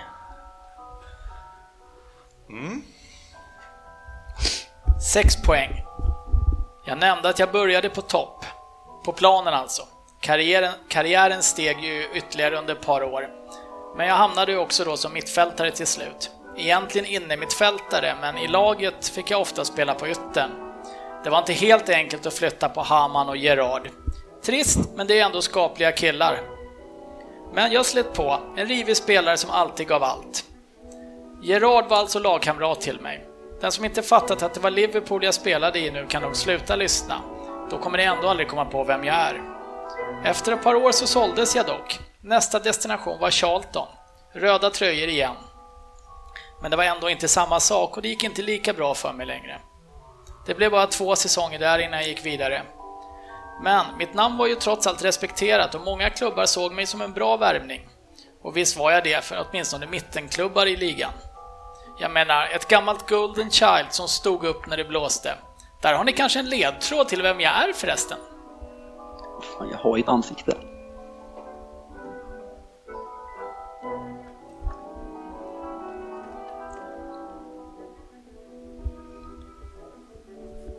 Fyra poäng. Mål gjorde jag ju en del, inte lika många efter jag lämnade crew, men en hel del mål. Men alla får man inte behålla. Det är till exempel inte alla spelare i Premier League som efter att ha satt en bicykleta i ansiktet på Steven Taylor, som studsade förbi Shay Given, som tre månader senare får målet borttaget och dömt som självmål av FA. Idioter, som GV skulle ha sagt. Surt sa räven, en bissa är ju ändå alltid en bissa, tänkte jag. Eller hur? Martin Joll ansåg dock alltid att det var mitt mål. Martin Joll, ja, nu har jag visst hunnit hamna i Tottenham. Vilket lag, vilken arena. Visst kommer vi sakna White Hart Lane. Ett ställe där vi inte ser några spöken eller såg några spöken. Eller ja, på den tiden så spökade det nog en hel del på hemmaplan för Tottenham. Fan. Jag hade fått smak för storstan. För visst är Liverpool en håla jämfört med London. Totalt sett stannade jag sex år i London. Och i takt med att min karriär gick neråt så valde jag själv tvärtom mer och mer lyxiga kvarter. Min London-karriär avslutades hos Mohammed El Fayed, men inte på Harrods. Jag, jag har... Jag, jag, Så, ja, du får nog säga någonting, för jag har mer räcker efternamn. Ja. Ja, Fabian. Jag messar dig. Nej, fyra poäng. sluta med det. Det sista på fyra poäng. Men efter The Valley, White Hart Lane och Craven Cottage vände jag tillbaka norrut. Ewood Park var min nästa och slutgiltiga destination. Två poäng då. Min karriär avslutades som sagt på Ewood Park med Blackburn Rovers. Lägg nu ihop Golden Child, Dennis. Liverpool, Jag har ingen aning, det enda jag kan mot. Tottenham och en stand-up guy så borde ni kunna ta mitt namn. Om inte annat, tänk på stand-up. Jag är ju namne med en betydligt roligare Eddie. Så vem är jag Fabian Jalkemo? Han är skallig och han har gjort fruktansvärt mycket straffmål på United och heter Murphy, men jag kommer inte på förnamnet. Men du vet inte ens vem det är. Ja, var det han? Nej, jag har ingen aning. Jag, Han jag... heter Danny. Danny Murphy. Aha, okej. Ja. Han har gjort, alltså han har, han har satt typ, jag tror han har satt flest matchwinning goal mot United i Premier League-historien. Jag hade honom redan på 6 poäng, men jag kommer inte på namnet. ja, han var riktig derbyspelare. Att han hade... Ja, han gjorde, gjorde mycket mål på oss i Fulham under eh, slutet av eh, 00 10-talet, eller 00-talet. Att han hade sex säsonger i Tottenham. Det var... Nej, i London. I London, okej. ja. Jag kommer ihåg honom från Fulham. Två, två Charlton, två Tottenham, två Fulham faktiskt. Nej, jag, min spelare slutade nog spela 20 år innan det. Vad hade du Men för jag något? hade ju ingen så jag skrev Trevor Kid. jag, gick, jag bara, det måste Golden Child. Jag bara, Golden Child. Golden. Child är ju Men en av, bara- en av Eddie Murphys Ja, filmer. Ja, ja. Nej, men jag tänkte, men Jason Kidd, spelar inte han basket? Vad fan kan det vara han? Skön, bra chansning. Och då blev det Trevor Kidd. Ja, jag hade Så fan... funkar min hjärna. Ibland så Trevor Kidd, en hockeymålvakt född 72. Okej, till och med det. Han var nära det. Men finns det inte någon gammal Tottenham-spelare som heter någonting med Trevor i alla fall? Ja, Trevor. Sinclair. Trevor Sinclair. Ja, fast det var QPR framförallt i Chelsea. Ja, ja, jag får skylla på feber och halsfluss. Det, idag får jag göra det. Trevor Kidd spelar hockey. Den är faktiskt nöjd. Lite irriterad. Veckans fokusmatch. Men ibland, ibland så får man ju liksom inte fram det bara. Jag var inte ens nära på den här. Nej, inte jag heller. Jag Jag, var inne... visste att han jag visste att han spelat i Liverpool, även om jag inte kommer ihåg det själv, men jag, jag har hört det när han har gjort mycket mål mot United. Jag var inne på Paolo halva jag, tag. jag minns ju honom väl, men eh, Ja. Jag gillade ja, alltid ja. honom Ja, faktiskt. jag tycker också han var bra. Taskigt att säga ett lag med röda tröjor i nordvästra, nordvästra England. Vilka var det då? I ja, nordvästra? det var Ja, det Liverpool finns då. ju United och Liverpool. Jaha, jag tänkte längre upp. Jag tänkte, jaha, vilket lag är det då? Nej, det finns inte mycket mer där uppe. Nu kommer det till Bål. Ja, okej. Ja, nej, jag visste inte vilket lag det kunde vara då. Eh, Men jag ska inte skylla på det, för jag tog en hockeymålis. spelade han en Liverpool. Ja, herregud. Ja, Jag kan nästan åka in i bikten på den. nu kör vi fokusmatchen. Min röst äh, sjunger på sista versen här nu. Äh, Frippe, han har ju varit ute på Sellers Park på uppdrag eh, och skulle ta tempen på den här arenan där vi några av oss andra varit. Men det är såklart kul att höra din upplevelse och samt hur det ser ut med managerbytet. Så berätta lite grann om upplevelsen. Jo, det var så här var det. Det var en trevlig dag, blandat Londonväder, regn, sol, dimma, snö. Ja, nej, men inte snö kanske, men det var verkligen allting. Och eh, det var ju väldigt kul att komma ut till arenan, även om det tog eh, ja, eh, oerhört lång tid att ta sig dit. Mm. För jag fick hoppa in i en taxi till slut för att hitta rätt. Men ja, det var tåg, eh, vad heter det? Tågen som inte gick. Det var avstängt. Ja, det precis. Det hade ju varit någon terroristattack. Nej, nej, det var inte det. det var just den linjen vi hoppade på, den eh, stann, gick inte dit. den gick bara två stationer, sen stod vi där i... Ja, det var inte så bra. Ja, vad det hette. Så att, eh, ja, nej men så det var kul. Vi kom ju dit och sen, eh, och vi hade köpt en sån här hospitality av Go Travel då. Mm. Eh, det är lite grann din grej, ja, har det blivit. Ja, ja men jag har, liksom, jag har lämnat det här, stå på läktaren och... Ja, liksom, du är den där rika svensken som köper de här biljetterna ja. så att inte de andra får. Ja, Usch. men det är okej, okay, men eftersom... eftersom... Fabian gillar inte dig. men jag älskar Gosport Travel. Ja, nej men när vi, eftersom vi, jag var där med tjejen också så ville man ju att det skulle vara lite liksom, mysigt sådär, trevligt så. Mm. Och hon tyckte det var jättetrevligt. Däremot så eh, noterade vi väl kanske att eh, gå köpa med så mat och sånt till en tidig match ja. kanske inte var en succé. Det var ju liksom eh, mer en... Nu skulle du köra fine dining eller vad? Nej men, eh, nej, men liksom eftersom vi ingick tre rätters då. Just det. Ja, och då gör det ju det.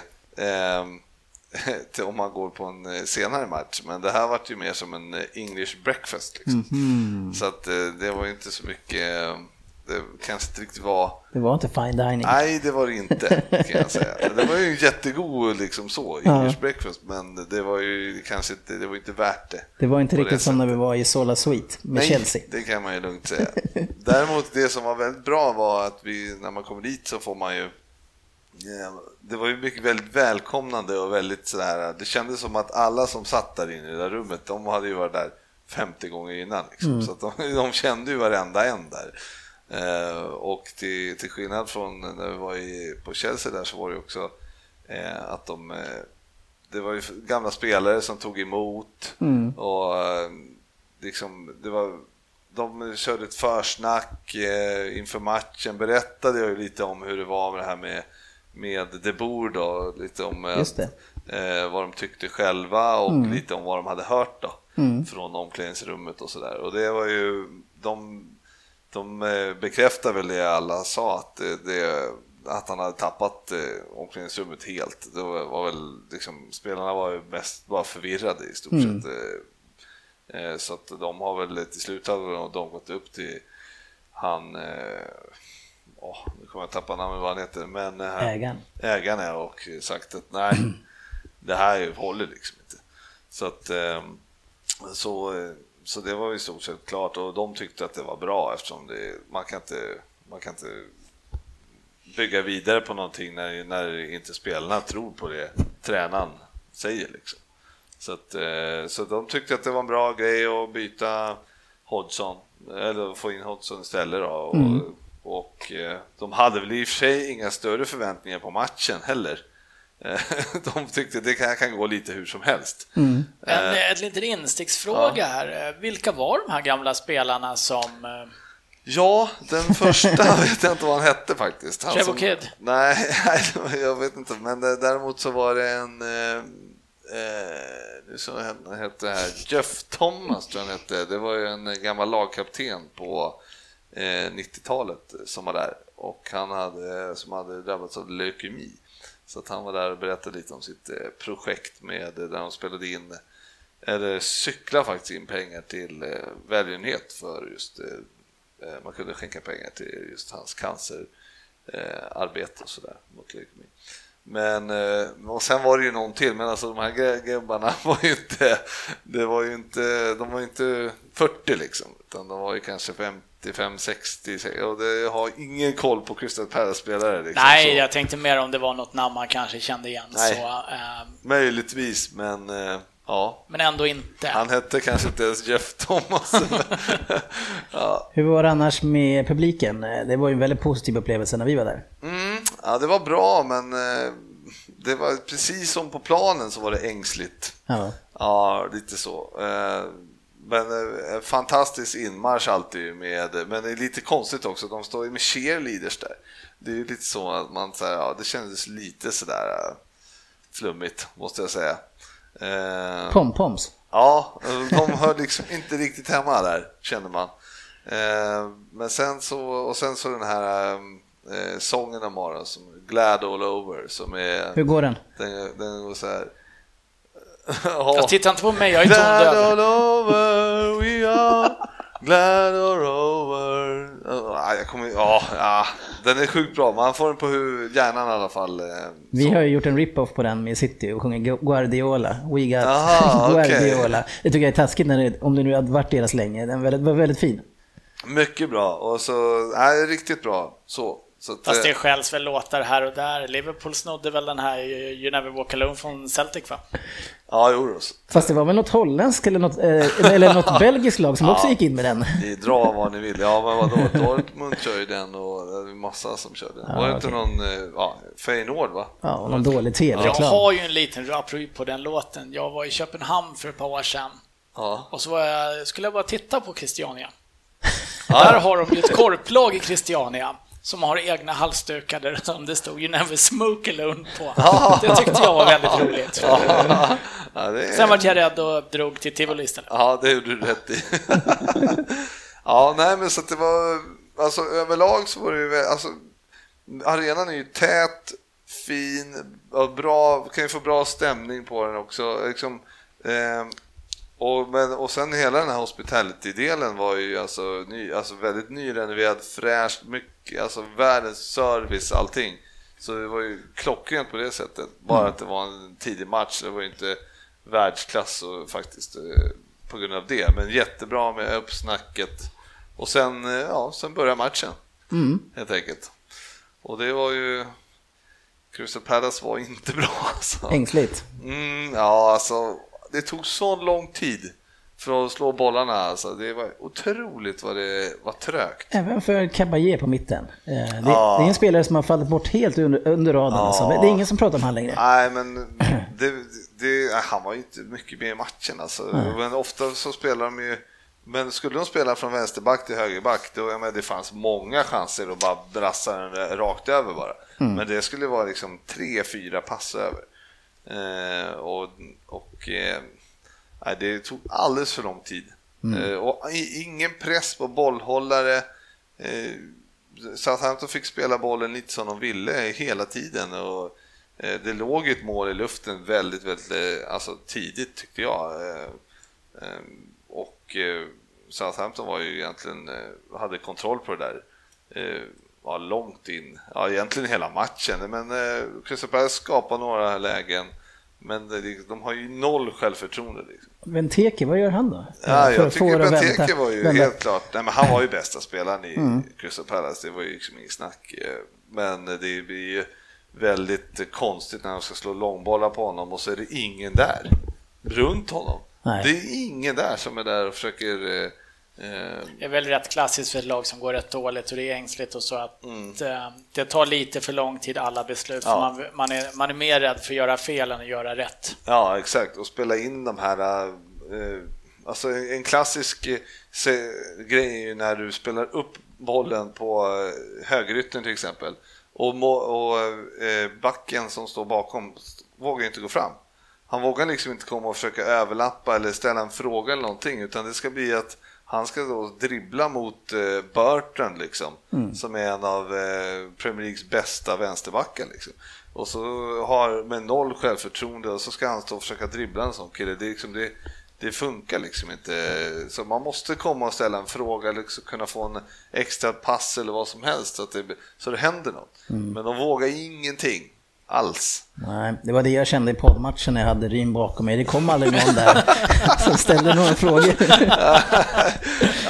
Jag var helt ensam och skulle hela tiden dribbla tre, fyra stycken, vilket jag men försökte det, var, med. det var tufft att löpa straffområde, straffområde för hinna ikapp dig uppe vid hörnflaggan där du stod och vila.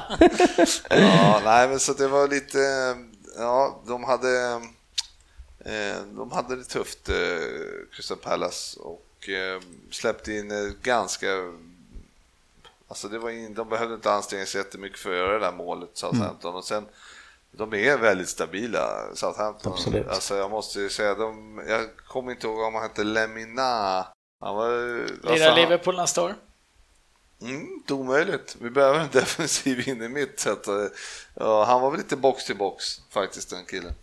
Men eh, nej, han var ruggigt vass. Ruggigt, ruggigt vass. Du vet ja. att ni har värvat en box box mittfältare som kommer nästa år va? Ja, ja, ja, men vi kan behöva en till kan jag säga. ja, Henderson ser ju sådär ut just nu. Men nu ska ja. vi hoppa över.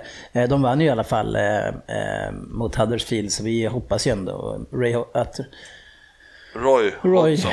Hodgson att ja. han eh, kan få igång det där, för vi vill ha, det laget vill jag i alla fall ha kvar. Ja, ja, ja, men alltså, själva grejen var det att de är ju, de är ju mycket bättre, men, eh, men samtidigt så nu har de City, eh, City Chelsea United, United va, i nästa tre. Mm. Så att det var ju liksom, det, de kan mycket väl stå på noll poäng eh, om tre matcher till, så att det, han får, har ju han har, han har, ingen tror att han kommer få sparken om de torskar tre till. Liksom. Nej. Utan det är ganska kom... skönt att vinna den där ligacupmatchen ändå, mot ja, ett hyfsat absolut, motstånd.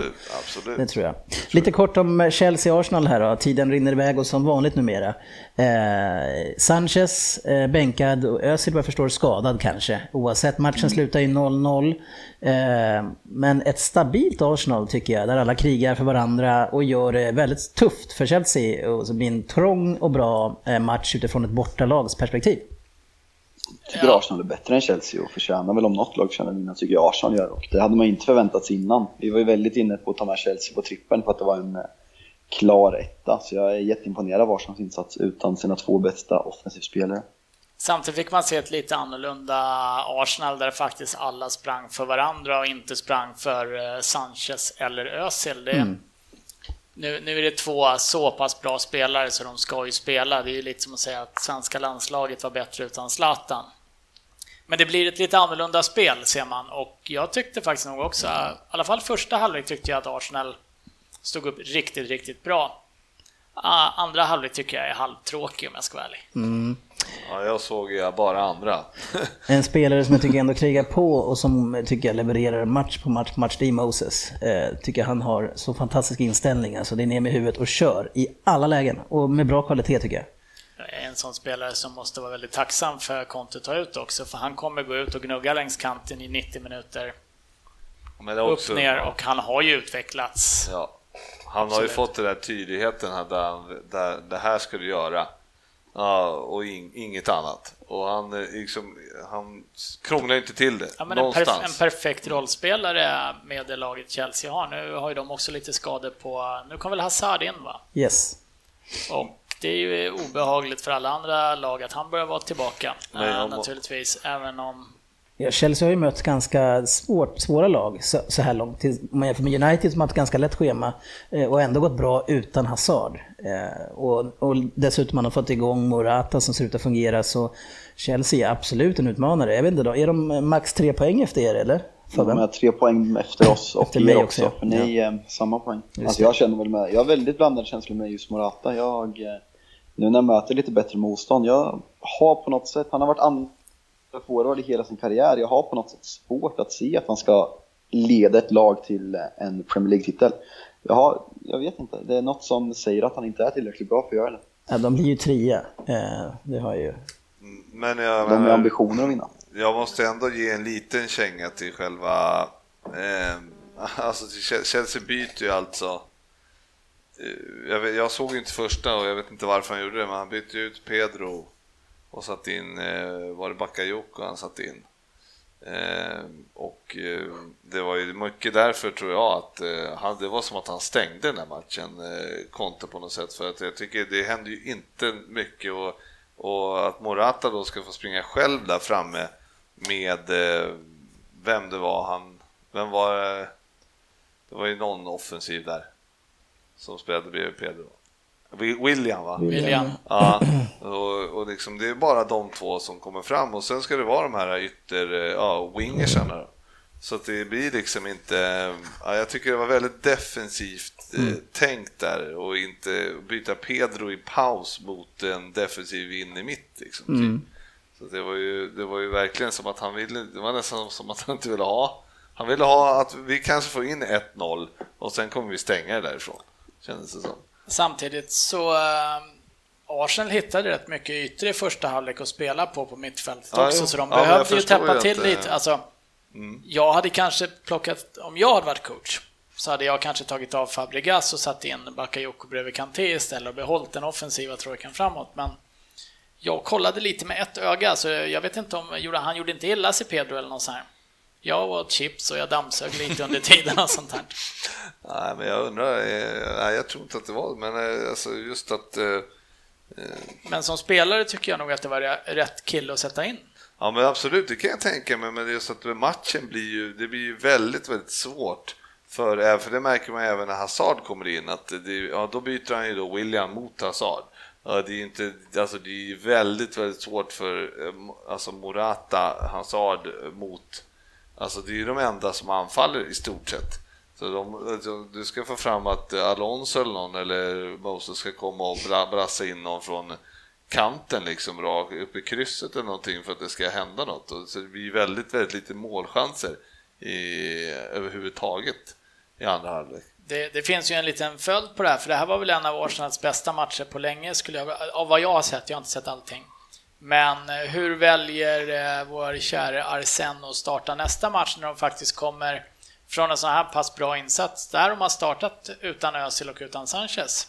Jag tror att båda startar om de kan. Eh, men det är ju tragiskt att man inte får samma jobb. Avslutningsvis, jag bara, alla de här alltså minspelen och reaktionerna som Sanchez gör på bänken, alltså när det händer dåliga saker för Arsenal och skrattar och tar tag i kompisar som inte alls tycker det är lika kul. Det bara fortsätter hela tiden.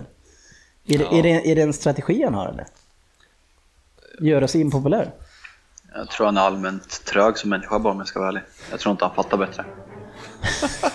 Men du, det var en sågning. Ja men på riktigt, jag tror faktiskt det. Han eh, känns inte som den vassaste kniven Nu, är, nu är i och för sig han på väg till United, det läste jag senast, så du ska nog eh, hålla lite lugn med de där kommentarerna. Men då är han ju med i Mensa om han går till oss. Så.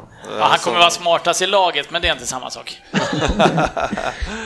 Eh, nu satte vi på en eh, slow jingle där. Ja, men, men kör GW, sista. Ja, det var ju, vart ju ett rött kort också. Ja, Luis. Ja, och det var väl kanske inte den bästa tacklingen man sett i... Han är ju labil. det ro, roligaste var att Conte vinkar på att de ska få inkastet. Ja, men det sjuka är det, det som är så konstigt är att han, det var ju ingen aggressiv match alls, Nej. kändes det som. Och han har en kille i ryggen som han knuffar bort, så får han bollen för långt framför sig och så bara, bara tvärkapar. Man vet inte riktigt eh, varför. Alltså, det... det, där, det där är ju en så ful tackling så att tre matcher inte räcker till. Det är ju liksom, det är ett under att benet inte går av. Det är nästan i knähöjd. Sträckt ben i full fart. Det är så fult så det går inte att förklara nästan. Ja, det är väldigt fult. Jag satt på en, på, på en engelsk pub där, eller på en pub rättare sagt, och tittade på den här matchen och det var flera Arsenal-killar som bara Nej! Eller vad säger Chelsea? Bara, Nej, det där är absolut inte utvisning. Sen kom reprisen så Sen, sen ångrar de sig fort. yes. Eh, nu går vi vidare, om jag ska ta mig härifrån levande idag. United mot Everton slutade 4-0. Eh, Chelsea-Arsenal 0-0, Spurs-Swansea överraskande 0-0. Huddersfield mot Leicester 1-1. Liverpool-Burnley, eh, det var någon som sa att det skulle bli en skräll här, vill jag minnas, på trippen sist. Jaha, var det det? Ja, det var ju ingen som ville tippa den heller i och för sig. Nej, nej, nej, men jag sa att det skulle bli en skräll. 1-1. Eh, Newcastle Stoke. Newcastle fortsätter gå bra. 2-1. Eh, Watford Manchester City 0-6. Eh, Mitt City ångar på. Får se snart när vi möter lite bättre motstånd vad vi kan mäta det här laget med. Jag är inte övertygad än. Vi ska möta Chelsea ganska snart tror jag. West Brom mot West Ham 0-0. Crystal Palace Southampton 0-1. Och sen Bournemouth mot Brighton spelades redan i fredags. Eh, det slutade med 2-1 till Bournemouth som äntligen tog en seger. I till Defoe. Ja. Ja. Vi bara försöka hitta grejerna. Ja. ja, det är så sjukt. Premier League.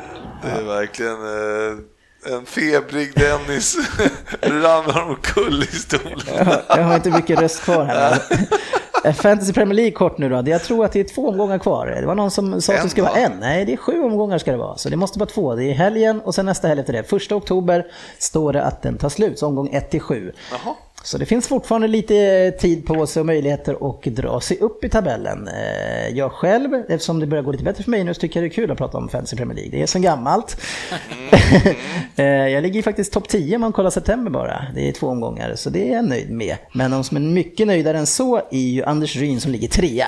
Ja, jag har haft lite stäm här. Eh, Vad gör du? Egentligen ingenting faktiskt. Jag tog ut ett lag och sen så har jag trott på dem stenhårt, så jag tror att de går ut med och känner att vi har Ryn i ryggen här. Men du är ju tänkaren i gänget här och alltså, du börjar få lite så här professorstämpel här i gänget kanske? Mm. Jag tror ju återigen att det handlar väldigt mycket om sällskapet. Men, jo, men det behöver inte betyda att man inte kan vara professor. Nej, nej, nej, nej, men eh, jag, jag har satsat på ett eh, stabilt lag som håller nollan. Ja, det är bra. Även på forwards alltså. Ja. Vilka forwards tog du då? då? Uh, Tottenhams. Man får ju faktiskt en poäng för mittfältet när de håller nollan, så det är det kan vara viktigt i slutet. Ja, vi ska dra hur vi ligger till här i hela gänget. Eh, Andersson ligger nia, har ju gått kräftgång här, han leder överlägset. Han är ganska deppig. Han börjar bra. Eh, vi har ju sportchefen ligger 96 Vad är favoriten här utan er lyssnare? Ja, det är ju märkligt ändå, tänker jag. Fast jag tycker det är ännu mer märkligt att han ligger 96 för det är ändå ganska högt upp. Ja. Vi är 400-500 tror jag med. Eh, vi har jag själv på 103, GV 128, Södberg 192, Jalkemo 205 och sen är det en bit ner till Svensson på 323. Det är synd att vi inte får honom lite grann när han är här. Ja, det är inte bra. Men han har gjort sig till, han har försökt vara så dålig eller? Nej, han gör nog så gott han kan. Ja, jag tror det också. Han vill efterlikna Arsenal. ja, eh, I toppen nu då, för det är ju så att det är tre stycken eh, som vinner toppriser eh, som i form av helkvällar på sportbarer. Eh, och sen så är det då 4 till 15 de får ju free bet på Leo Vegas och dessutom free spins. Eh, så det är 15 personer som får pris och just nu eh, Ryn, är du på sportbaren? Ja, jag, jag känner stekoset. Ja, Härligt. Eh, den som leder är ju Filip Stark som har varit här uppe i toppen hela tiden känns det som. Eh, en United-kille som kallas för Stretford End. Tog 76 poäng senast här nu och leder på 336 poäng eh, som är 9 poäng före Martin Wilborg som tog 83 och 327. Och sen har vi Ryn på 325 så du är ju bara 11 poäng efter. Jag håller på Stretford End. Inte på Ryn alltså? Nej. Nej. Nej, men eh, det är därför du ligger på 350 plats också. Du förstår han är bara, inte Han är bara bitter. Premier League-trippen. Yes, nu är det dags för trippen, den som alla lyssnare väntar på för att få höra avsnittet. Man väntar, lyssnar igenom en och en halv timme bara för att få tipsen som leder till storkovan. Okej. Eh, inte riktigt så just vi, vi har fått väldigt lite tack i år. Ska vi börja så här som jag sa att vi skulle göra förra veckan om vi failade som jag heter Fabian och jag är en dålig tippare. Ja, du får göra det. Och bra, då behöver inte du tippa några mer matcher. Men grejen var så här, att det vi skulle göra var att vi skulle då berätta vår egen trippel i slutet sen av, eh, av avsnittet. Eh, så då får vi se på riktigt Fabian sen vem det är som är dålig och vem som inte är dålig. Så nu eh, ja. kommer vi outa folk här. Eh, det är bara vi fyra här idag. Sånt, sånt gillar vi. Ja, ja absolut. Eh, det får man bjuda Ska på. Ska man skriva upp sin egen trippel då? Det kan vi, jag kommer att fråga dig sen. Mm. Vad den blir. Okay. Eh, men vi kör ju den här korta rundvandringen på vad vi tror om matcherna. West Ham Spurs, Frippe. Det ska bli spännande. Säkert ett kryss. Mm, Burnley Huddersfield. En etta. Fabian Everton Bournemouth. Uh, etta. City Enkelt. Crystal Palace, den slutar 4-0 till City. Tyvärr, eh, ja, ja. Eh, sen har vi GV igen på Southampton mot Manchester United. Det tror jag blir tufft för United ändå. Det, mm. det är också en sån här kryssmatch igen tror jag. Southampton Lurigt. stabila. Stoke-Chelsea. Ja, det är Chelsea. Hur ja. lätt som helst. Oj, så lätt? Ja. Eh, Swansea mot Watford. Eh, oj, oj, oj. Eh, pass. Leicester mot Liverpool. Jag tror att det kan bli eh, målrikt. Eh, båda lag kommer göra mål, så 2-2 kanske. Eh, Brighton Newcastle. Nykomlingsmöte och... Två målsnåla lag va? Nej, tycker jag inte. Inte? Nej. Nej alltså, vadå, det beror på om de är City och ja, vad du jämför med. Men nej, jag, tycker, jag tycker att det är två roliga nykopplingar. Mm. Eh, avslutningsvis har vi Arsenal mot West Bromwich. 1-1. Ja. Du har bara resultat och kryss att säga om matcherna. Du förväntar dig ingenting annat. Eh, ja, en, frå en fråga är ju eh, att vi, för vi ska hitta nya vägar till att vinna. Ska vi försöka hitta nya spelsätt i tripplarna också, inte bara göra ett kryss två, utan till exempel som i matchen som Liverpool-Leicester tippar på att båda lagen gör mål, till exempel. Eh, Ska vi öppna oss för eh, sådana typer av spel? Det tycker inte jag. Ska vi inte ge det en vecka till? Ja, det gör vi det. Då gör vi det. Eh, Då får du första matchen in. Och då säger jag eh, Chelsea borta mot Stoke. Alltså, grejen är att det kan man ju hålla med om, men Stoke har ändå slagit Arsenal och kryssade va mot... Det har ju gått skitbra när vi analyserat tidigare. Mm, nej, men alltså jag köper den direkt. Ett- 1,60 1,64 odds också. Ja, eh, Okej, den, är- den är där. Vad bra odds. Eh, GB, tar du nästa? Ja, Man City kommer ju köra över, men vad ger den? Men då skulle man vilja ha en- 1,15. Då skulle man vilja ha minus ett på dem i alla fall. Liksom. Ett handikapp ja. Ja, men nu vill inte ni köra det, så vi Ja, skulle men inte göra... Sista veckan, annars får vi börja hitta på nyheter. Ja, Okej, vi ska tydligen med City. Ja, Eh, det, det sitter den som sitter. 1,33 på handikappet, inte så roligt heller. Nej, men eh, City ska med, eller va? City ska Ja. med. Ja. Ja. Det blir som att spela en dubbel. alltså de kommer ju, om inte Hodgson gör någon mirakel. Nej, de kommer ju det försöka bli- kriga. Och sen, men när, om målet kommer... Det som har blivit för City det är att första målet har kommit ganska tidigt nu mera. Mm. Sista tiden. Det har varit bättre effektivitet så... Men kan, de har inte den försvaret alltså. nej. Det var, Ja, det för övrigt eh, måste jag bara nämna att i Southampton där så kom van Dijk in på Asså, slutet. oj, Ja, det var en skräll. Ja, han eh, hoppade in och stängde igen ännu mer. Ja, det förstår jag. Ja. Spännande. Eh, Fabian, ska du försöka på den tredje? Ehm, står mellan Arsenal och Everton. Ehm, tar nog Arsenal ändå faktiskt, om jag får välja. Ja, den vågar nog inte jag alltså. Eh, Nej, West den Brom kan ställa till i, lite grann för dem där. Eh, och sen när West Brom vill anfalla i slutet så kan de göra Vart jag någonting. överkörd. Ja, Everton är man inte heller sugen på alltså. Det är, Burnley hemma mot Huddersfield 2,15.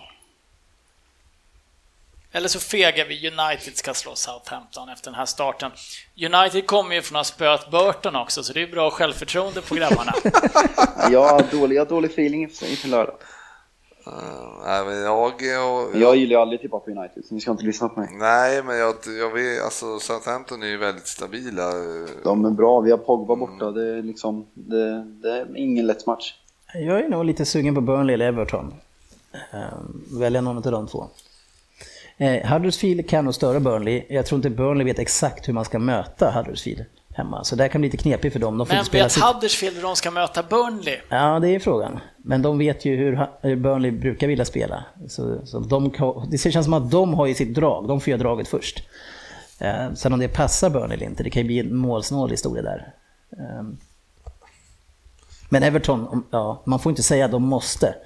Eh, Men en sån här match, eh, det måste sparkas igång här nu eh, med den här truppen och de spelar man har plockat in. Så, och kan det inte vara så att truppen känner själva att nu börjar det? Det roliga är att... eh, Om Jag tror Everton vinner. Nej, jag tror inte Everton vinner. Vad säger du? Nej, Everton skulle jag inte lagt mina pengar Nej, på okej. om jag hade fått styra över dem Då helt själv. ni, ja, men det, då får du, vi är ju 50, släng in annan. har, vi har två frågor här då. Ehm, alltså Watford, Nej. den får jag inte. Aldrig. Men vad, vad, jag skulle faktiskt kunna tänka mig tvåa på Tottenham mot West Ham. Tottenham spelade bra från sig att göra mål mot Swansea i helgen och jag tycker att det var en coach med att starta med en högerback som vänsterback. Så eftersom allting stannade upp. Jag, jag tror vi spöar West Ham. De har ju sett mer än lovligt darriga ut hittills också. Särskilt mot topplagen. eh, Så är det mot de förmodade topplagen. Det är ändå ett derby. Ja, jag tror att West Ham, eh, förr eller senare kommer de börja komma igång. Men sen om det är mot Spurs, det är ju frågan däremot. Nej, det är inte kanske där man Sen eh, håller en annan, nu slänger jag mig bara ur med här, men ett lag som faktiskt har imponerat i början mot ett lag som absolut inte har imponerat. Och det är ju Newcastle som har spelat bra och möter Brighton som de förmodligen kan sen, ett par, sen förra året ner i ettan också. Jag tror att det är målsnålt. 2,92. Ja. Ja, den är svår alltså. Brighton har ju ändå tagit några poäng här på slutet. Så att det känns, och särskilt hemma vet du. Ja, men, men ni två, vad sa ni om Spurs? Vill ni ha den? Jag kan gå med på Spurs. Jag tror alltid på mitt lag. Spurs, City och Chelsea hade... 3-0-4. Ja, det tycker jag låter som en... Eh, Går du med på den Fabian? Mm, ja, okej då. Okej. Tottenham Behöver inte jag måste säga de vad kan jag inte tycker. svika två veckor i rad. Ja, Då fick vi, vad sa vi, tre gånger pengarna Alltså, plus ja, boost? eh, 3,50 typ. Ja, det låter eh, bra med City som är så lågt. Eh, och då börjar vi med och vi ska höra vad, vad ni ville ha för eh, tripplar själva då. Eh, börja med GV. Åh, tack ska du ha. Varsågod. Vad roligt att du säger det. Mm. Eh, Jag hade ju... Där jag hade ju velat haft... eh, Jag tror Swansea slår Watford Mm. och så tror jag att Chelsea slår eh, Stoke, eh, Chelsea slår Stoke. Och sen så tror jag att... Ja, jag menar... Det är tråkigt att ta den trippen vi har, men... Nej, men det kan du göra. Ja, men, men Man City och så slår ju Crystal Palace. Ja. Du skriver upp va Fabian? Mm, ja, Och jag väljer då Chelsea, Burnley och Tottenham. Mm. 5,68 hela lönen. Fabian? eh, jag kör eh, City, Chelsea och Arsenal. Mm. Det är olika överallt. Jag kör Everton City Spurs. Eh, Väldigt olika tripplar, men det är bra. Får vi en rolig uppföljning på det är det här. någon som kommer sitta. Kanske. Nu mina vänner har ni fått lyssna på oss en timme och 45 minuter. Va? bra jobbat. Nu blir det hem och lägga lite honung på den här Jakob Hård-rösten som inte är så hård. Eh, nej. Ja, logiskt. Ja. Tack ska ni ha. Hej då.